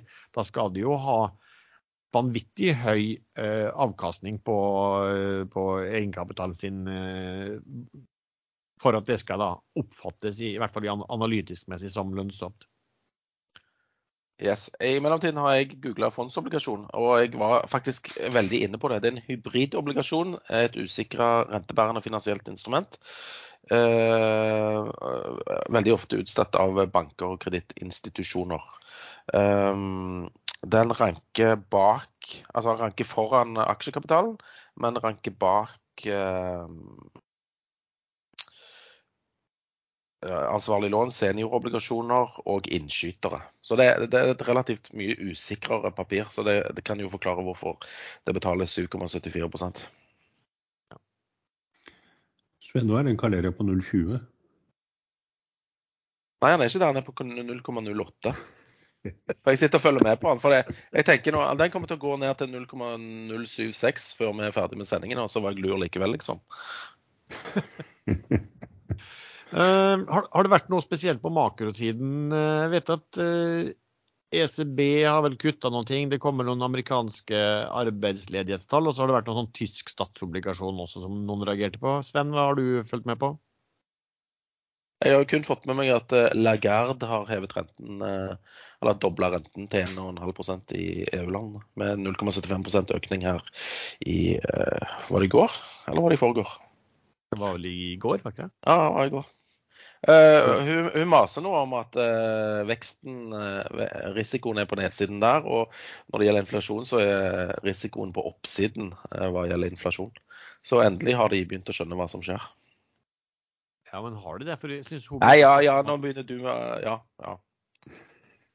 Skrullegreiene dine igjen. Nei, men jeg, begynte, jeg synes hun begynte å snakke om at man måtte være forsiktig med å ikke sende renten for høyt eller et eller annet sånt. Ja, men det, det, det, stemmer jo, for du, du, da lager du jo resesjon og depresjon og sånn. Ja. Så de er mellom barken og veden. Ja. Selvpåført. Som Men det, det var jo godt formulert, da, for oppsiden ble definert som, uh, som the downside, og nedsiden ble definert som the upside. Uh, egentlig motsatt av hva det var. Så vi klarer jo å forstå hva som står der, men det er ikke alle som klarer det. Så noen trodde sikkert at det var kjempepositivt. Eh, så kom vel altså USA i går med noe arbeidsledighetstall som vel var vel, vel, veldig gode i den normale verden, men ikke så bra sånn rentemessig. Men eh, du som er mm, nesten skulle si tilnærmet tysker, eh, Erlend, Fulgte du med på den? Det var noen noen tysk sånn statsobligasjonsauksjon i uken som noen reagerte på? Ja, eh, tyske stat har jo sagt at de skal eh, gi strømstøtte som vil koste noe sånt som 200 milliarder euro. Eller 200 millioner, husker ikke. Det var, det var i hvert fall et enormt beløp. Det var vel en tredjedel av hele statsbudsjettet. Eh, og da må de hente inn penger, men det sliter de med. Eh, noe så veldig mye mer enn det fikk jeg ikke med meg. Når Tyskland sliter med å hente inn penger, eh, som i alle år har vært regnet som bunnsolid, da begynner det å gå litt sånn varsellamper. Eh, vi har da også fått en del sånn spørsmål fra eh, lyttere. Det passer egentlig ganske bra å spørre begge dere om det spørsmålet her. da. Hva er den beste tradingdrikken på dagtid og på kveldstid? Vann. På dag eller kveld? Ja, men på, hva er på dag, og hva er på kveld? Å trade når man har drukket alkohol, det er faktisk ikke å anbefale. Det har vi vel alle prøvd, og det Det kan skjære seg. Særlig når man ligger på en, eh, på en solstol ved et svømmebasseng nede i Pola i Kroatia. Og har en paraplydrink i hånden som er den femte for dagen allerede før lunsj. Og prøver å selge Prøver å selge eh, Hva heter denne North-aksjen? North Nord. eh, North Ja, North, eier, eier mye av i en annen aksje. Reach? Reach, ja. Prøver å selge Reach, men Nei, prøver å selge Penn. Men eh, så ligger Reach da rett under i trederen i watch-listen min, så selger, som jeg også eide. Så jeg selger Reach istedenfor Penn. Og senket kursen med en tredjedel på den treden. Det var en dyr alkohol... eh, dyr paraplydrink. Ja, Det anbefales ikke å innta rusmidler eh, ved trading, fordi at risiko, risikovurderingen blir litt annerledes enn i, i et edru marked. Du, tar, du, du har en tendens til å ta litt høyere risiko enn vanlig. Så det er bare vann på dere da, gutta? Både på vann og på Nei, altså, øh, jeg pleier å ha øh, På dagtid er det kaffe, og um, i dag er det smakstilsatt vann uh, uh, av merket Sprudle fra Coop. Så det er vann med bobler og uh, kaffe som gjelder på dagtid. På ettermiddag kveldstid, depending on øh, hvilken dag det er, så er det ofte litt øl eh, på, på fredagen, og så litt rødvin litt ellers i uken. Da må vi advare deg mot disse smakstilsatte eh, vanngreiene. De er akkurat like skadelige for tennene som å drikke Coca-Cola. Så vet du det. det er like Ja, men det, dette er bare bitte litt sånn ferskensmak i, så jeg tror det går helt fint. Gjør nok ikke det. er Nå er du advart. Ja, nå, tak, takk for den. Springvann er det beste. Annet spørsmål til deg, Spass, som du kan forklare, Sven. Hva betyr et kryss? Ja, det var et veldig bredt spørsmål. Er det da et veikryss eh, som menes, eller er det eh, en X, som også er et kryss, eller er det at Nå gjør du deg morsom på spørsmålsstillers bekostning her, Sven. Ja, jeg gjør det. Det handler vel om at eh, et volum, eh, altså et resterende volum av en ordre blir kryssa i, eh, i boken, og gjerne ikke eh, rapportert som en vanlig trade. Han står gjerne som off, eh, og det betyr at eh, noen har tatt ut restvolumet, og meglerhuset har kryssa disse aksjene, som det heter. F.eks. i sider hvor det er eh, veldig mange ufrivillige aksjonærer, hvor noen har krysset relativt store poster de siste ukene. Ja, for eksempel, Det er ikke stort nok ennå til at de er tatt ut, men volumet i den der sidrillen har tatt seg kraftig opp, syns jeg. ja, den er det. Eh, Men det har òg aksjekursen, og det er jo veldig irriterende for de som ikke har aksjen. Sånn som meg. Ja, og meg. Jeg hadde den, Han var nettopp 230, var det det? Ja, noe sånt. 220. Og jeg sa plutselig står den i 270 igjen. Han gjorde ikke det, vet du. Nå står den 327. Det er Nesten opp en, 9,70 faktisk. opp en hundrelapp. Annet spørsmål er Ja, det er en tredjedel opp. Det er megairriterende når man, når man Du har mast om denne her, du. For, men du har sagt nei, det er så lavt volum, det er så lavt volum, det er så lavt volum. Men Ja. eh, du hadde jo tatt det lave volumet når den stiger en hundrelapp, liksom. Ja, jeg hadde gjort det, eh, men det er ikke sikkert det hadde vært med hele veien opp. Da, for jeg hadde sikkert trodd at den skulle ramle godt tilbake når den traff 100. Den traff 300, men det gjorde den heller ikke. Det går ikke rett opp, men den har uh, hatt en ganske jevn stigning. Annet Men, men. spørsmål du har fått, som du kan sikkert svare på, er en hva er en dobbeltbunn? Det er når en aksjekurs eh, faller, og så får den en bounce up og stiger x antall prosent, og så ramler den ned igjen og treffer akkurat samme bunnen og går opp igjen. det pleier å være et positivt tekningssignal. Da har, da har de som er bull, vunnet over de som er bear. Bull bear, bear hva kaller man fighten? Bull bear fight. Uh, og det tyder ofte på at aksjen da skal videre opp framover. Men uh, hvis man kommer opp i en trippelbunn, at den for tredje gang forsøker å bryte ned, eller trippeltopp, tredje gang forsøker, å bryte opp og ikke klarer det, da er det et veldig sterkt signal på at, uh, at den skal motsatt vei. At det blir dårlig. Da klarer den ikke å bryte opp på en trippeltopp, og den klarer Nå, nå, snakker jeg mot meg selv her. På en trippel bunn da pleier det ofte å gå rett ned. Så trippel topp det er kanskje det samme. At da, da er sannsynligheten større for at den stiger opp. Okay. Han må vel først bryte den triple bunnen, og da faller han som en sten? Ikke sant. Sa han som ikke kunne noen ting om Thea? ja, det er lagt merke til at alle dere som latterliggjør Thea, dere bruker det jo Det er litt sånn innbakt i trening Eh, tradingbedømmelsen deres? Jo, men det, det, er de mest elementære liksom, eh, formasjonene. Sånn der en omvendt tekopp-formasjon, det, det, er ikke noe jeg liksom kan. Jeg visste ikke hva dobbel bunn var engang. Jeg trodde at det var en, en bunn som ble nådd to ganger. Men jeg, at det, hva det betydde eller et eller annet sånt. Om det skulle bety at den skulle gå opp eller ned eller, eller et eller annet sånt. Hva ja, du, du, der, det visste jeg ikke. Du kan òg få, få um, Eh, tankene kan gå til shipping-segmentet, der dobbeltbunn da er dobbeltskroga skip. Så det, Titanic, ja, den hadde vel faktisk dobbeltskrog, men den hadde ikke, hadde ikke gode nok sperrer i lengderetningen. La oss, men la oss gå over til noe skrog. Altså, Sven, for uh, nå er det ganske lenge siden. Det her var jo i fjor, tror jeg så hadde du en, en, eh, liten seanse hvor du fortalte litt om eh, hva du hørte om supply-segmentet fra en Jeg tror det var en eh, som jobba på meglersiden.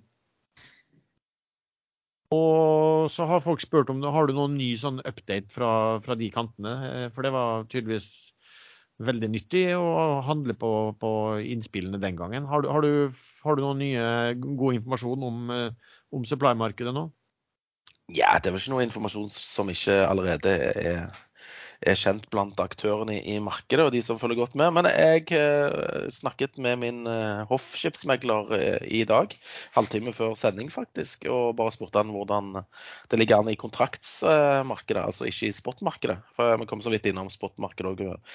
Og akkurat nå det er veldig sesong... Eh, altså det sesongbetont. På denne tiden så er det et dårlig spotmarked.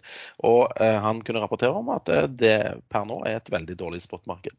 Men når de så eh, videre til, til, neste år, eh, spesielt for store PSV-er, eh, så kunne han si at eh, i 2014 så hadde vi 300 eh, tilgjengelige PSV-er i Nordsjøen. Nå er det 200. Så antallet der har jo falt betydelig. Og eh, de ser nå at de som prøver å, å, å, slutte kontrakter på opp mot seks måneder, de får eh, over 200 000 kroner, nei, 200 000 ja, kroner eh, per dag eh, i, i, rate eh, på, på store PSV-er. Eh, når det gjelder disse AHTS-ene for neste år, så er det masse prosjekter som lines opp. Og det er veldig mye av kapasiteten kommer til å bli brukt eh, i vindmøllesektoren, er det de rapporterer om. Så eh, alle rederne er veldig bull på 2023. Så langsiktige kontrakter ser ut til å være sted å være i supply framover til neste år. Det er mye ting som skal skje i Nordsjøen. Nå er denne Afrika-aksjen din, Africa Energy, den er nå på 3,04. Du solgte vel før den traff det, gjorde du ikke det? Ja, det gjorde det. Uh, det er vel, ja Olje går jo opp i dag også. Uh, men så er det jo folk som håper på at det kommer en god melding. Det, vel, det kan vel ikke være så lenge til nå det kommer melding fra, fra hvordan det har gått med den boringen. Det er en risiko som jeg ikke sånn, kom, bruker ikke være noe komfortabel med å ta den type sitte i selskap over sånne boringer. Jeg har erfart sånn, fra tidligere historisk litt dårligere erfaringer med det. Av og til kan det jo være at selskapene er såpass rimelige at du, du tror bare at det gir bare oppsikt at kursen kommer til å reagere så veldig mye på nedsiden. Men den her har jo gått ganske mye. Det har vært store forventninger til det. Så et spørsmål om på når- de melder noe, så er også må man bare huske på at det er spørsmål om her er det forskjell på om de melder et funn i forhold til et slags geologisk funn eller kommersielt funn. Det kan være stor forskjell i første omgang hva man hører om det. Det, det skjer jo, og det husker vi vel fra omtrent fra den her, eh, hva heter en PS1, Sven, at man, man melder om at man har truffet på noen ting, og så kommer det en kontramelding senere om at det man traff er likevel ikke kommersielt. Da. Så det kan man i hvert fall ha, ha i mente når det kommer. Det har, har dette med spor av hydrokarboner, liksom. Og så var det ikke så mange, mange spor likevel, liksom. Det var små spor. Det man burde gjøre, er jo å skaffe seg en drone som flyr over den riggen, eh, så man ser nøyaktig når, når om det spruter olje opp av riggen. Da kan man eh, kjøpe mer. Eh, Spruter det olje opp av riggen, så tror jeg vi har et miljøkatastrofeproblem som eh, på langt nær konker de involverte partene. Så det er ikke sånn som det var i Texas i gamle dager, hvor oljespruten sto rett i værs. Nei, jeg tror det er lite sprut å, å se. Ja, ja. Og, men, får du, men du får heller ikke sånn på bommen på sånn flamme... Flaring, ja. ja. De har vel slutta med det òg. Men det du skal se på, du skal oppsøke de lokale konditoriene om de får inn store kakebestillinger. Da skal du kjøpe. Så derfor jeg tenkte jo kanskje at det var de dronene som er observert i Nordsjøen. Så det har ikke noe med at noen investorer har leid de dronene til å ligge og, og følge med på rigger og se om det blir truffet. Mm, Hvis det er det, så vet vi at eh, eieren av dronen er Erlend Henriksen. Avslørt her og der. Dette må du klippe bort, Lars. så ikke jeg får Han skal ut og lete. ut og lete etter sprut. Eh, også spørsmål her da, Sven. Eh, du snakka jo om eh, NRC Group, at du hadde kjøpt den. Sitter du i den fortsatt? Nei, jeg gjør dessverre ikke det. fordi at Eller dessverre og dessverre, den har ligget flatt nå i månedsvis. Så jeg ble bare lei Eller han steg opp sånn 4-5% en dag, og så solgte jeg han fordi at det ligger liksom i instinktene mine å bare ta, eh, ta gevinst. For jeg kan sikkert få den billigere etter en stund. Han har ligget veldig flatt, men det er en aksje jeg følger med på. Eh, og jeg ser jo at de hanker inn eh, kontrakter jevnt over hele linjen. Og jeg har faktisk tro på at eh, vår venn i gamle Selvåg bolig eh, har, er inne på noe der hva gjelder et stabilt selskap som kan vokse, og at det er underliggende verdier der. Så eh, det, jeg følger med på. Plutselig er jeg inne igjen. Litt spørsmål har vi fått på LNG, eh, shipping. Eh, der var det jo sånn nå i uken at den plutselig snudde en del ned i aksjene. Fordi at det var vel han eh, analytikeren, jeg husker ikke hva han heter, shipping-analytikeren i ABG, som eh, for å si litt, sånn, litt pent og litt fleipete, så bruker han å være en litt villmann på å sette aksjekurser. Han ligger i hvert fall vel, brukte å ligge veldig høyt på kursmål i forhold til andre innenfor shipping. Han snudde brått og kutta ganske kraftig kursmålene til til LNG-shipping og trodde at det kunne, komme press på ratene der. Jeg er litt usikker på hvorfor det, men det er jo noe sånn at det ligger vel mye skip som utenfor Europa nå som, som, som ikke altså Man klarer rett og slett ikke å ta imot det, for man begynner å få, å få fulle lager eh, på det. Jeg vet ikke om det er noe tegn på om, om at Asia kjøper noe sånt spesielt mye mer heller. Så, så jeg er litt sånn usikker på hvordan det, hvordan det ligger an på, på kort sikt på eh, LNG. Ellers så er det jo sånn at gassprisen har jo falt ganske mye. og Det, det tror jeg vi var inne på en periode der også, at, når, eh, at gassprisen var veldig høyt når EU fulgte, fylte opp de lagrene sine og, og, og bøy høyt på det. Og da tror jeg vi snakker om hva, skjed, hva skjer da når de, de, de lagrene begynner å bli ganske fulle. Eh, og det har vi jo sett nå, at den gassprisen har jo da ja, Spotten har jo falt. eh, Den var vel kraftig. negativ? Ja, han gikk faktisk negativ en, eh, en dag der. Eh, Men, Men, det, hvordan nei, det er hvordan lagrer man gass? Er det på disse runde tankene man ser overalt, eller er det på andre måter? Det er sånne små beholdere som du bruker til grilling. Er det sånn, Da har du ja, biler som kjører rundt med masse sånne eh, beholdere. Ikke disse veldig små som man bruker på campingtursettet sitt. Nei, det, de er veldig små, da. Det det, det hvor vanskelig kan det være å lage nye gasslagre? Det er masse gamle gruver, og det er jo i Groningen kan de ikke pumpe ned gass der. I Nordsjøen pumper de ned gass for å få i gamle dager i hvert fall, pumpet de ned gass for å få, få opp mer olje. Jeg, jeg syns jo at de bør kunne liksom stappe gassen oppi det hullet gassen egentlig kommer opp fra. in the first place. Det er jo, hvorfor er ikke det mulig? Det var det jeg prøvde å si. Ja, riktig. Men altså, jeg ser jo på at jeg bare tok opp uh, været for Berlin uh, nå i helgen. Og i dag, akkurat nå er det 21 grader i Berlin. Det er jo ikke rart. Det er, det er godt og varmt. Det skal være uh, på søndag 20 grader. Ja, I morgen eh, 18 og overskyer, men allikevel, da. Eh, Det er jo sommer eh, i Europa fortsatt. Vladimir Putin er vel ikke glad for det? Er han glad for noe som helst, da? Egentlig.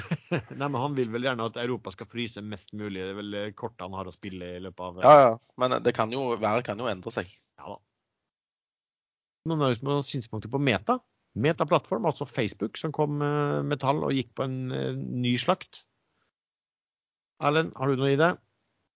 Ja, det jeg så på tallene nå, var at overskuddet ble halvert pga. investeringene i Meta. Eh, Så det er ikke bare en sånn liten eh, sideting de driver med. De har jo til og med endret navn til Meta. Så dette er den store satsingen. Hvis det går bra, og du og jeg og bedrifter og alle må inn på Meta og kjøpe eiendommer og bruke dette her daglig, så blir det sikkert et gigantmarked. Men jeg tror ikke noe på at folk er villige til å bruke dagens teknologi på VR-biler. De er svære og klumpete, og de har øh, ofte dårlig batteripakke, og det er, det er masse sur med dem. Øh, Å sitte hjemme alene med sånne VR-briller på gå rundt i en ikke-fysisk verden, det, det ser jeg ikke for meg at veldig mange kommer til å gjøre. Så de må få løst dette problemet. Øh, Kontaktlinser koblet til en chip i hjernen, øh, da tror jeg Meta slår an. Ja, men altså, Hvem er det som bruker Facebook? Eh, Dette var vi inne på i forrige episode. Det er kun gamliser som bruker Facebook. Og så skal du putte VR-briller på gamliser. De blir jo, kommer til å bli eh, kvalmende. altså De kommer til å spy. og De kommer ikke til å bruke Facebook i det hele tatt da, etterpå. Ja, men Facebook har jo ikke noe direkte med Meta å gjøre. De, Ja, de eier jo Meta. ja, selvfølgelig, men det er ikke Eller Meta eier Facebook. Å oh, ja, er det en annen brukergruppe? De Ja, det er, Meta de- er jo, skal jo bygges opp som en virtuell verden, akkurat som vi lever i. Eh, Så du kan, eh, du kan faktisk gå ned på brygga og kjøpe eh, reker og lage en sånn Exit-episode inne på Meta. Men får du òg lukten av reker gjennom høyttaleren eller et eller annet? da? Det kan man teoretisk få til allerede i dag. Sånn syntetisk lukt er ikke noe problem. Ja, ja. Jeg håper du blir kvitt den lukta òg, da. Men det er jo da motsatt spørsmål. da, Hvis de ikke klarer å få eh, nok brukere til å bruke penger på dette her, og reklameinntekter via Meta, så, så har eh, Facebook kanskje skutt eh, beina under seg. Da blir det et gigantisk tap som de ikke klarer å hente seg inn igjen fra. Spesielt siden Facebook heller ikke går så bra som det burde gjøre. Det er vel derfor kursen har falt ned til under 100 dollar i går. Eh, og det var jo da totalt nesten i hvert fall over 40% folk på to, fall på to dager. Jeg tror den er 70% hittil i året. Altså det, det jeg stiller spørsmål til En ting er det meta. Altså jeg har jo sånne, har jo sånne briller sjøl som Hva heter det? det som jeg, jeg bruker Oculus-briller selv. Eh, det er litt sånn for barna til å bruke det også. Man kan bruke det, men det er lett å bli litt sånn eh, Som alle sier, at du kan bli litt kvalm av det og litt, litt, litt forvirra når du har det på over en, litt lengre periode. Eller du trenger ikke ha så lenge, lange periode engang, egentlig heller. Jeg, jeg prøvde en sånn ergometersykkel eh, med sånne briller. Sånn som bevegte seg. Altså ergometersykkelen eh, bevegte seg i forhold til terrenget og, og sånn. Ja. Og jeg ble uvel. Ikke sant? Det du kan. Hvis du skal gjøre ting, så, så blir du fort det. For det, ja, det er litt, litt annerledes. Men det som er, altså, du skal jo tenke at han, Mark Zuckerberg det er jo sånn som starta det selskapet der ut fra øh, universitet. Altså, han har jo egentlig, selv om han, han har kommet over noe som var veldig bra, som, som, han, skal, som han egentlig ikke fant på sjøl, men som han øh, gjorde bedre enn andre som har kommet ideen til han. Eh, og så har de drevet det her videre. men og kanskje hatt det her med sosiale og, og vært flink altså skaff, skaffet seg en dominerende posisjon. Men så er spørsmålet, nå, det ikke han tar den beslutningen alene, men han er jo toppsjef. Og så er det vel at hva, altså Hvilken bakgrunn har han? Er han i stand til å ta et sånt nytt bet på, på mange måter det som vil være et, et, et nytt sånt stort forretningsområde, og bruke så enormt mye penger som, eh, som de gjør på det. Det er vel sikkert det en del lurer på også, om liksom ja. Er, er han rett og slett dyktig nok? Er jo, han er vel ikke mer enn 10% av aksjene i Facebook eller i Meta, men han eier over 50% av de stemmeberettigede aksjene, så han kan egentlig i prinsippet gjøre akkurat hva han vil. Men ja, blir det vellykket, så blir det en gigantsuksess. Men det har jeg veldig liten tro på, og da har det gått mye penger eh, ut. Eh, grafikken er jo også ekstremt dårlig. Den er jo som de dårlige barnespillene. Det var noen som sa at hvis jeg hadde brukt 1% av det de har eh, investert i Meta for å bygge opp alt fra grunnen av selv, og heller kjøpt selskap som allerede for ti år siden var kommet mye lenger, så ville de vært på et helt annet stadie i dag. Um, skal vi se på Sven, et spørsmål til deg her fra en kar som heter Alv. Uh, han lurer på om du er fornøyd med Q-fritallene? Jeg mistenker at det er min uh, gode Wordfeud-kompis uh, Sjosansen som uh, lurer på dette her. Og ja, jeg er egentlig veldig fornøyd med Q-fritallene. Når du ser på bunnlinjen eh, og eller marginen, så var den svakere enn eh, samme kvartal året før. Men de skylder på supply chain issues, eh, ordreinngangen. Og alt dette her var jo formidabel. Og det at de øker disse recurring revenuene sine er veldig bra. De fastholder guidingen. Og ja, jeg har kjøpt aksjer i dag på 5,80. Så jeg er egentlig veldig fornøyd. Jeg tror ikke det blir en rakett de nærmeste ukene, men jeg, liker storyen der. De har òg guida bedre for Q4, så det, ja, da stoler jeg litt på at de har vet hva de holder på med. Jeg tror den skal bli en sånn dataresponsaksje etter hvert nå. Etter som de fintuner butikken. OK. Eh, så har vi fått eh, en som skriver Saga som nå prises ned på cash. Hva tror man om den videre utviklingen i dette selskapet? Jo, altså Saga er jo så, Jeg har regna på det før, det er enkelt å regne på det. Og nå har de jo solgt ut en del aksjer ut av, eh, av Bergen Carbon også. Som, det er sånn riktig som du sier, jeg tror jeg, tror jeg så på 1,80 når den hadde gått litt opp i dag. så var var den prisa til 864 millioner kroner. Og sju, da regner jeg sånn ca. 720 mill. av det var nettcash. Så i det store hele så er selskapet altså Det er en kontantbeholdning Saga nå som skal investere i grønt. Så har de den, der den store verdien ved siden av eiet, da. Største verdien er dette som heter Heimdal, som man ikke vet hva skal prise til for det skal på børs en eller annen gang i framtiden. Så jeg tror jeg, jeg regner på da, at på en pris Nav, så er de, altså Naven er ca. 2,17 per aksjer. Da prises de til prisnav på 0,83. Men tar du bort cashen, altså bare se hva, hva, selskapet Hvis du tenker på hva andelen utenom cash man priser til, så er man da på under 0,5 på det. Og, og, det er litt sånn som standard drilling også, som jeg snakket om. Der er også cash, altså Navet nå kommet, og der er jo alt de har, er jo der eh, børsnotert. Så der kan man regne det fra dag til dag.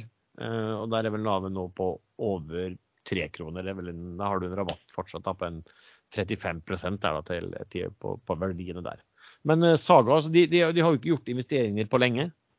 Um, og de, de, selger seg ned. De selger seg ut og ned i, i, i Bergen Carbon. Og, så, uh, når de skal begynne å bruke penger, det er vel det som er spørsmålet. Hittil så kanskje man har vært utålmodig, men uh, sånn som man ser grønn, så har det jo vært fornuftig av det. Man må bare sitte stille og kanskje ja, vente på at en del grønne gode da, selskap, men som desperat vil trenge penger. Kanskje det skal være deres store mulighet. Jeg vet ikke. Eh, så jeg har fått spørsmål om Orkla som falt på børsen etter å komme tall, og som beskjed om at de skulle gjøre noen strukturendringer. Prøve å dele opp selskapet mer og kanskje kunne selge ut ting som ikke leverte. Eh, og Vedkommende skriver at han har forstått at de har eh, fortsatt stabil og god drift. Hva tenker dere om liksom, Orkla? Er det noe interessant å investere i? Sven? Eh, snorkla er min kommentar. Og du har vel også, fikk du også noen kommentarer, var ikke det noen kommentarer på Ekstrainvestor om uh, Orkla som du leste, Erlend? Ja, jo, det, det var en, Orkla interessant for de som har fylt 80 år. Så, så da er nok jeg i målgruppen. Men uh, jeg er nok litt for utålmodig for en aksje som ligger ganske flat. Det, det, har jo vært sånn, Jeg vet ikke om det her er riktig, men jeg leste i, i dag, tror jeg, at det var de siste ti årene et eller annet, at Orkla hadde levert en gjennomsnittlig oppgang på 1% i året. Men så har de jo levert, men det sto også at de har levert utbytte da, på 3% Men hvis det er riktig at de har levert 4% i året i, over ti år, eller var enda lenger enn det også, siden Stein Erik Hagen sto kom inn i selskapet. Eh, jeg så bare litt på tallene her. De, de prises vel Så ser det ut som analytikerne mener at de priser en gang på sånn 10-13 både for i år og neste år og framover. Altså, altså det, det, det, er jo ikke noe sånn, det er jo ikke veldig dyrt, men det er jo ikke noe veldig billig hvis det ikke viser vekst. da. Og ref at du kan da få kjøpe fondsobligasjoner i DNB og få nesten 8% på det. 8 eh, er jo det samme per definisjon som hvis du snur om på en PE på 12,5, så ja. Det, det, det, det, er i hvert fall ikke noe sånn spesielt interessant for meg heller, siden jeg ikke ser at det er noe sånn spesielt som skal skje der. Og om vi skal kunne gjøre noen spesielle endringer i resultatet som gjør at det blir klart bedre. Jeg er litt skeptisk til han eh, hovedeieren òg i dette Orkla-greiene. Ja, det er fortsatt Stein Erik Hagen som er jeg vet ikke om ja, ja, ja. ja, jeg er litt skeptisk til han. Nei, jeg bare så på den gaven han ga til Røkke når Røkke fylte år, eller hva det var for noe. Så det er litt spesielle gaver å, å gi. Hva var det for noe? Du får google det. Det var en skulptur av en sort. Ja, ja, den mener jeg husker. En, en, han er jo veldig glad i kunst. Ja, mulig, jeg vet ikke hva det var. Men det var en klump med noe greier. Men han er veldig glad i kunst, da. Det skal han ha. Men eh, jo, eh, han, han, sa jo at han skulle ta tak i dette Orkla-greiene nå. Så kanskje det blir gang på butikken der òg. Altså, Men er ikke det noe han kan finne Han er jo veldig flink sånn kjøpmann, da. Så, Men, eh, Orkla var jo et kjempeselskap under han Jens P. Heierdal. Da var de jo altså, ordentlig flinke, gjorde mye ting. De var også innenfor finans og alt der også, så det var jo ordentlig bra. Men nå, Hvis vi sier Orkla, hva tenker du på da, Lars? Hva er første du assosierer med Orkla? Nei, jeg tenker på uh, Jens P. Heyerdahl, egentlig, som mann som, som, bygde opp det. Ja, jeg tenker på Grandiosa og Nora syltetøy, liksom. De hadde jo en stor finansavdeling med tradere og sånn 10 millioner kroner lønn i året, klassen de beste i den avdelingen. Men den la de ned.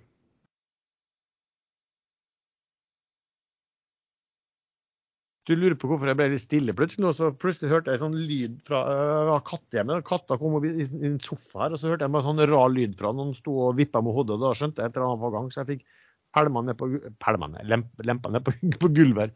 Og da spydde den utover gulvet, den jævelen. Hvem skal rydde opp i det her? Det ble deg, det. Ja, for, ja, det blir jo det, da. Så det var sikkert, han, bare, han bare spydde når du sa Jens P. Heierdal. Eller kanskje det var han du var skeptisk mot? Men du har jo en sånn ryddekone sunn rundt deg. Kan ikke hun eh, bare hente vaskekluten og ordne opp dette? ryddekone?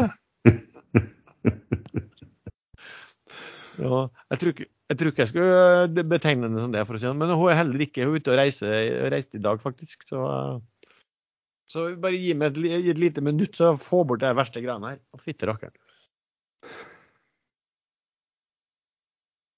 Du Sven, eh, nå eh, mens du sitter og ikke gjør noen ting, så begynner det å spises av 063-posten i SAS. Så plutselig stikker den opp fem øre til 10% til. Ja, han kan bare stikke for min del. Penger er penger, det. Ja, jeg, jeg, jeg, jeg, er glad, jeg er glad på dine vegne at du tjener mer penger. Det, det er til fordel for eh, alle, det, egentlig. Ja, det er jo det. Det blir mye lettere til sinns og lettere å ha med å gjøre, og ikke bitter. Og... Så går du ut og bruker de pengene, selv om de ikke er realisert ennå, på forskudd, og kjøper masse argentinsk rødvin, og så blir bøndene i eh, Argentina happy, og de òg. Så alt dette har pos positive ringvirkninger. Jeg åpnet den siste flasken uh, i går, så da må jeg kjøpe mer. Ja, der ser du. Blir de enda gladere. Og ingenting er bedre enn å kjøpe vin av urealiserte aksjegevinster. Nei, nei, absolutt ikke. Det er da man, det man må kjøpe da. Ja. Man risikerer jo at man ikke får kjøpt før aksjekursen halverer seg. Og da får man ikke kjøpt det hele tatt. Men da er, da er spist, det spist, liksom? Ikke sant. Da er jeg tilbake igjen fra live Skatt Kattespy. En såkalt Eh, katastrofe. Men det er det fine med katter, for de driver og gulper ganske lenge og rumler med magen før de, før de får det opp. Ja, gjorde det, skjønner du. Så, så, det var derfor jeg plutselig ble stille. For jeg fikk eh, løpt bort dit og løfta den, i hvert fall ikke spydde utover sofaen. Og så kom han seg ut på bare på gulvet og fikk spydd der, i hvert fall. Det kommer jo til deg da, for å fortelle deg at det er noe galt. Ja, ja. Trengte litt trøst, og, og du bare hiver den i bakken. Nei, hiver den i bakken. Jeg la den på gulvet. I en fart. Nei, men da har vi egentlig vært igjennom de spørsmålene vi har fått. Er det noe annet dere har lyst til å ta opp, eller skal vi gå over på å høre om det er noen sånn ukens favoritter? Bra. Eh, hva har du, Sven, å komme med? Nei, jeg er fortsatt eh, kortsiktig i mye, men eh, jeg syns det er veldig vanskelig å spå, spå på én ukes eh, sikt her nå. Eh, jeg har Jeg vet da søren, jeg. Jeg har kjøpt Insta. Eh, hvorfor har jeg det? Jo, fordi at nå tredde han 1,60 versus bokførte verdier på 2, eh, 2,10 2,11. Eh, Jeg syns den er blitt billig. Eh, De har en annen type lån enn disse Leabank. De har disse omstartslånene som vokser kraftig, og at de har jo pant i, i eiendom. da. Jeg tror det er bedre enn kun forbrukslån. Jeg tror det vil komme masse tapsavsetninger i, i, de, kun, i de som kun har forbrukslån framover. Så jeg er skeptisk til, det, til de. Så, altså, så har du Komplett Bank, det har ikke kjøpt der, men de òg hadde egentlig ganske bra tall og viste god vekst. Men hvorfor er det god vekst nå? Er det fordi at folk tar opp forbrukslån fordi at de må eh, betale regningene sine, og at dette er egentlig som å denne tisse i buksen-effekten for å holde varmen? Ikke vet jeg. Eh, Så jeg er litt selektiv på de eh, nisjebankene, nissebankene våre. Jeg, eh, jeg kjøper kufri når han eh, trader under seks. eh, Noe som han gjør for øyeblikket. Jeg liker òg litt Norse. Jeg tror kanskje det kan skje noe der.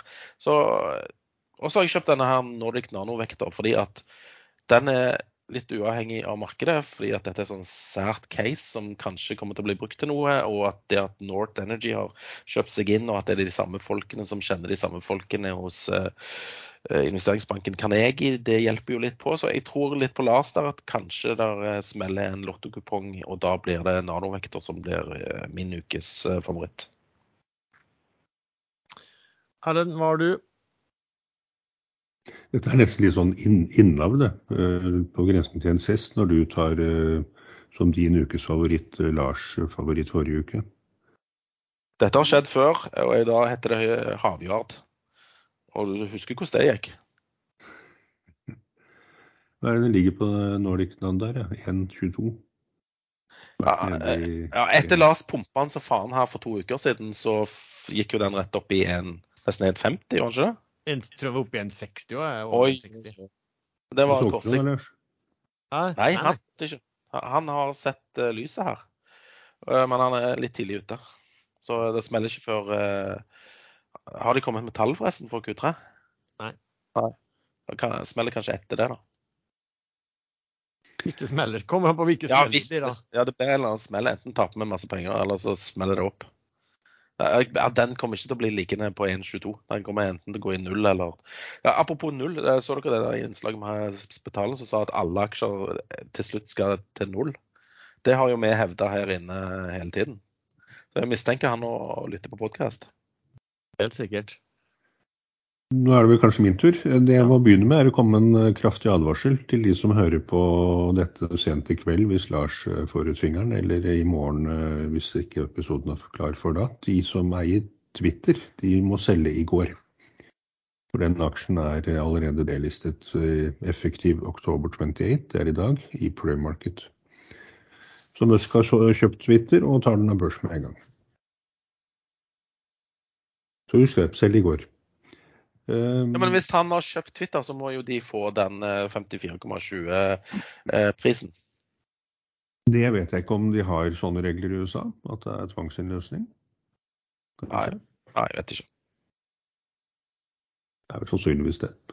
Men uansett, det som blir kommentert her på Ekstramestor, er hva da med Tesla? Må han selge mer Tesla-aksjer for å finansiere det kjøpet? Men det må han visstnok ikke. Det har han allerede gjort.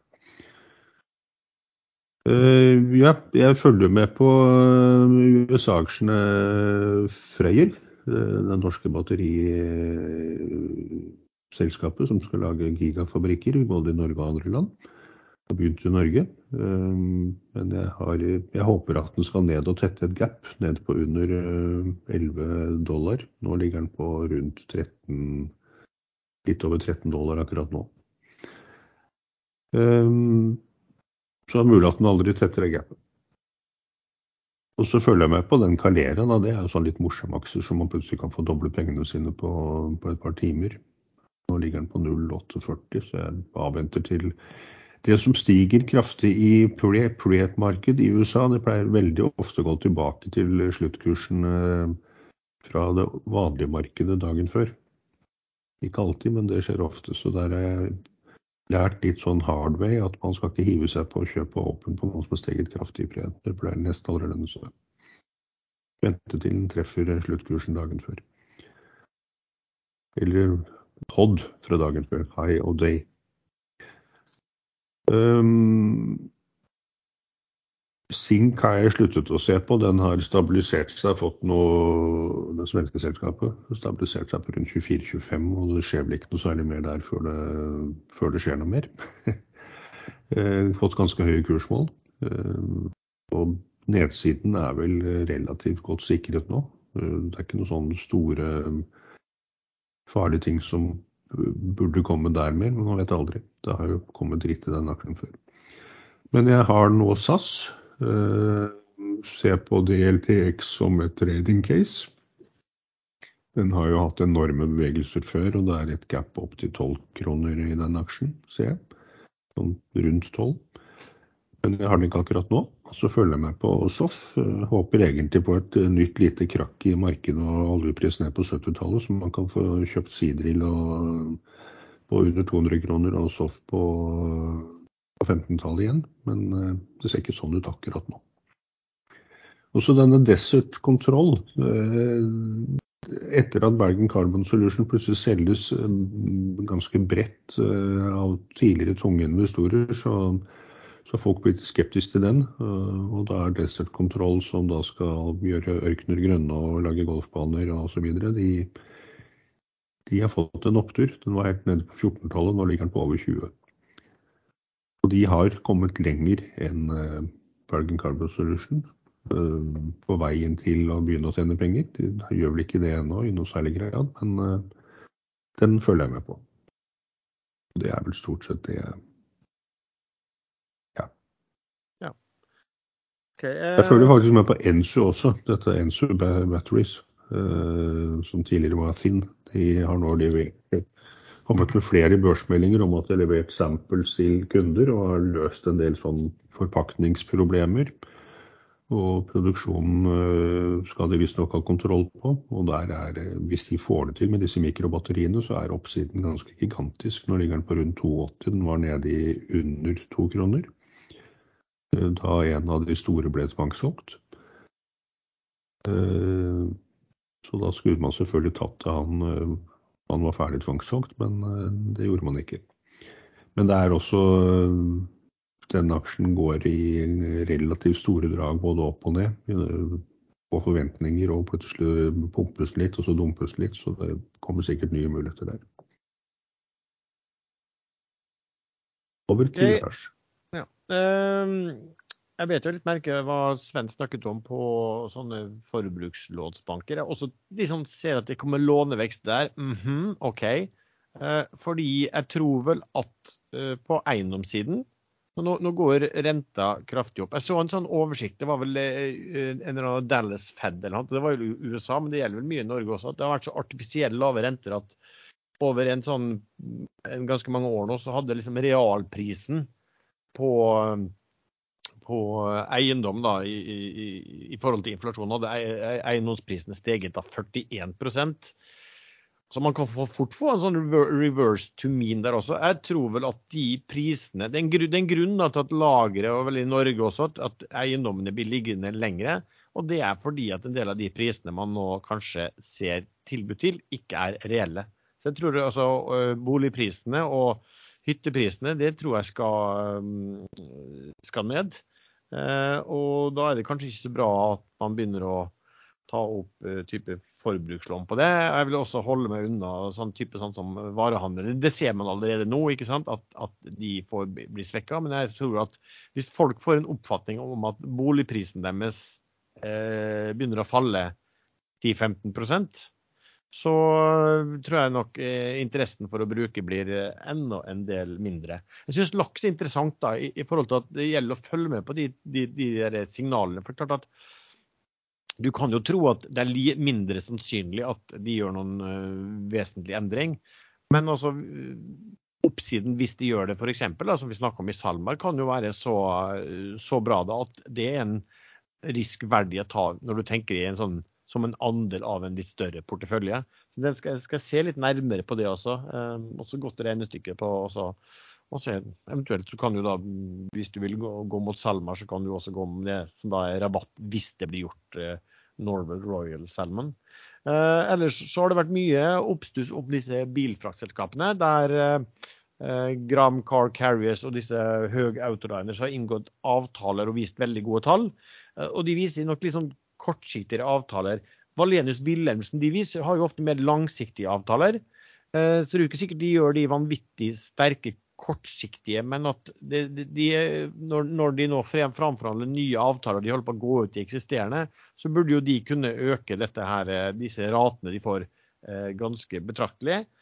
Og så også det, disse Caterpillar de leverte veldig gode tall. og Det er jo en type selskap som da brukte, bruker skip som eh, Wilhelmsen, Valenius Wilhelmsen har, eh, for å frakte sine tunge, tunge kjøretøy. Og jeg vet at Valenius Wilhelmsen skal levere neste uke. Så Sist gang de kom med tall, så, så, ble det veldig dårlig mottatt, og kursen falt kraftig. Denne gangen kan det være at det blir motsatt også. Kan se ikke bort ifra at det kan være noe, noe sånne der de får tilgodegjort seg fra kundene oljepris, eller ja, prisen på, på drivstoffet på, på, skipene. For der, der, er det en sånn liten legg på det også, som kan slå litt på tall. Og da har du jo også eh, Wilhelm Wilhelmsen Holding, da, i så fall hvis Valenius Wilhelmsen går, som har legget veldig eh, uh, Valenius Wilhelmsen. Og der bare, bare an, eierskap i Valenius eh, Wilhelmsen nå er verdt mer enn hele børsverdien til, til VVI. Uh, ellers så sitter jeg fortsatt på og så kan være litt langsiktig disse ja, Viking Supply og, og, og, Standard Drilling, som jeg syns er billig. Holder på Valaris. altså Energi syns jeg fortsatt er bra. Uh, men det er fortsatt sånn at jeg har lyst, som jeg har sagt, jeg har solgt litt ut i denne uken av de som er litt mindre likvide. Og det er fordi at man har lyst til å være likvid. Vi er inne i vi er inne i november snart, og det kan ofte være en litt, uh, litt ek ekkel måned. Ja. Så får vi satse på at det kommer en, en rallymåned fra desember. Opp. Hvordan gikk det med denne spread-traden din i Skipsted A versus B? Jeg bare sjekka ja. den spreaden i går, da var den 2,5. Nei, den er på, var vel på 3,4 i stad. Jeg tror jeg skal se på lista mi, så den har i hvert fall ikke gått riktig vei, men ikke veldig skjevt heller. Skal vi se på, Kan du se bare på porteføljen min? Den er, er ned 500 eh, kroner på den, så den er omtrent der den var. Så fortsatt mulighet til å gå inn i den? Ja, det, jeg vurderte det faktisk i går. Da var den under tre.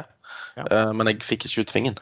Nei, og i dag så var den, må den jo vært For jeg så før i dag, så var det litt annerledes. Da var jeg en del oppå den traden der. Så ja, så den, den er fortsatt, fortsatt, god trade. Og det er jo ja, helt annet risikobilde enn hva du har på, på alt annet du gjør. da. Jeg bare dobbeltsjekka nanovekt og kom med tall den 11., nei, 10.11. Eh, og det var da 18.8. de gikk ut og sa at de eh, skulle se på strategiske muligheter. Og det, det er noe vi starter i november, som du sier. Så det, vi kan vel egentlig forvente et eller annet, eh, enten at de ikke har fått til noe, eller at de har fått til noe. Kanskje i forbindelse med Q3. You never know. Ja, de, de begynner nødt til å gi noen signaler. Ja, det må de. Takk akkurat SAS over over 063 tok ut den posten. Nå ligger den på 06310. Var det du som tok ut posten? Nei, nei, jeg bare så på. Jeg observerte. Du skal bare fremstå, skal fremstå flink i podkast. Ja, følte seg kjemperik. Det er litt sånn som han eh, Vollvik, det, som kjøpte seg inn i den fullstendig illikvide aksjen. Han kjøpte seg opp til 75 igjen og ble rikere og rikere for hver dag fordi at han sjøl drev kursen voldsomt opp med egne kjøp. Nei, den, eh, den går sånne trappetrinn opp, denne SAS-aksjen, helt til den plutselig ikke gjør det lenger. Men jeg tror den kommer til å gjøre det en stund der. Ja, nå stakk den opp til en ny dagens Hodd, 0,63 Nei, stakk tilbake. 0,6322 er dagens Hodd. Får vi se hvor den slutter. Basert på dette så vil jeg være lange argentinske vinbønder. Produsenter. De kommer til å få gode tider framover. Vin er faktisk noe man burde lagre litt av for tiden, eh, sammen med olivenolje og kaffe. Der kan det bli leveringsproblemer. Det har vært mye tørke, mye vin som har gått i stykker. Jeg tror forresten jeg gikk på en smell når det gjelder den uh, sennepshamstringa mi. Det dukker til stadig opp uh, nye partier på ekstra tjelta. Så her går det ikke mye Dion-sennep. Dijon-sennep. Så det er, hvis dere lurer på hva familien får til jul i år, så ja. Jeg gir lave odds på sennep. Alle får, li, alle får lik pakke, liksom? ja. Sånn er det. Med det så tror jeg vi takker for til deg som har lyttet til denne episoden. Du treffer oss stadig oss tre chattene inne på Ekstrainvestor. Vi, vi har også en egen gruppe på Facebook som heter podkasten Aksjelover. Musikken er som vanlig laget av sjazz.com, og vi høres. Jeg, jeg, hørte på uh, forrige ukes episode her i bilen for noen dager siden. Du hadde jo tatt med det der uh, våset på slutten der. Ja. ja Var det galt, man ta med det? Nei, det var jo ikke gale, men jeg trodde vi, trodde vi hadde en viss anstendighet for folks primærbehov. Ikke. Når, når du er så dum å logge deg før vi er ferdig, så så avtaler, så avtaler vi hvordan det her skal slutte, nemlig. Ja, uff.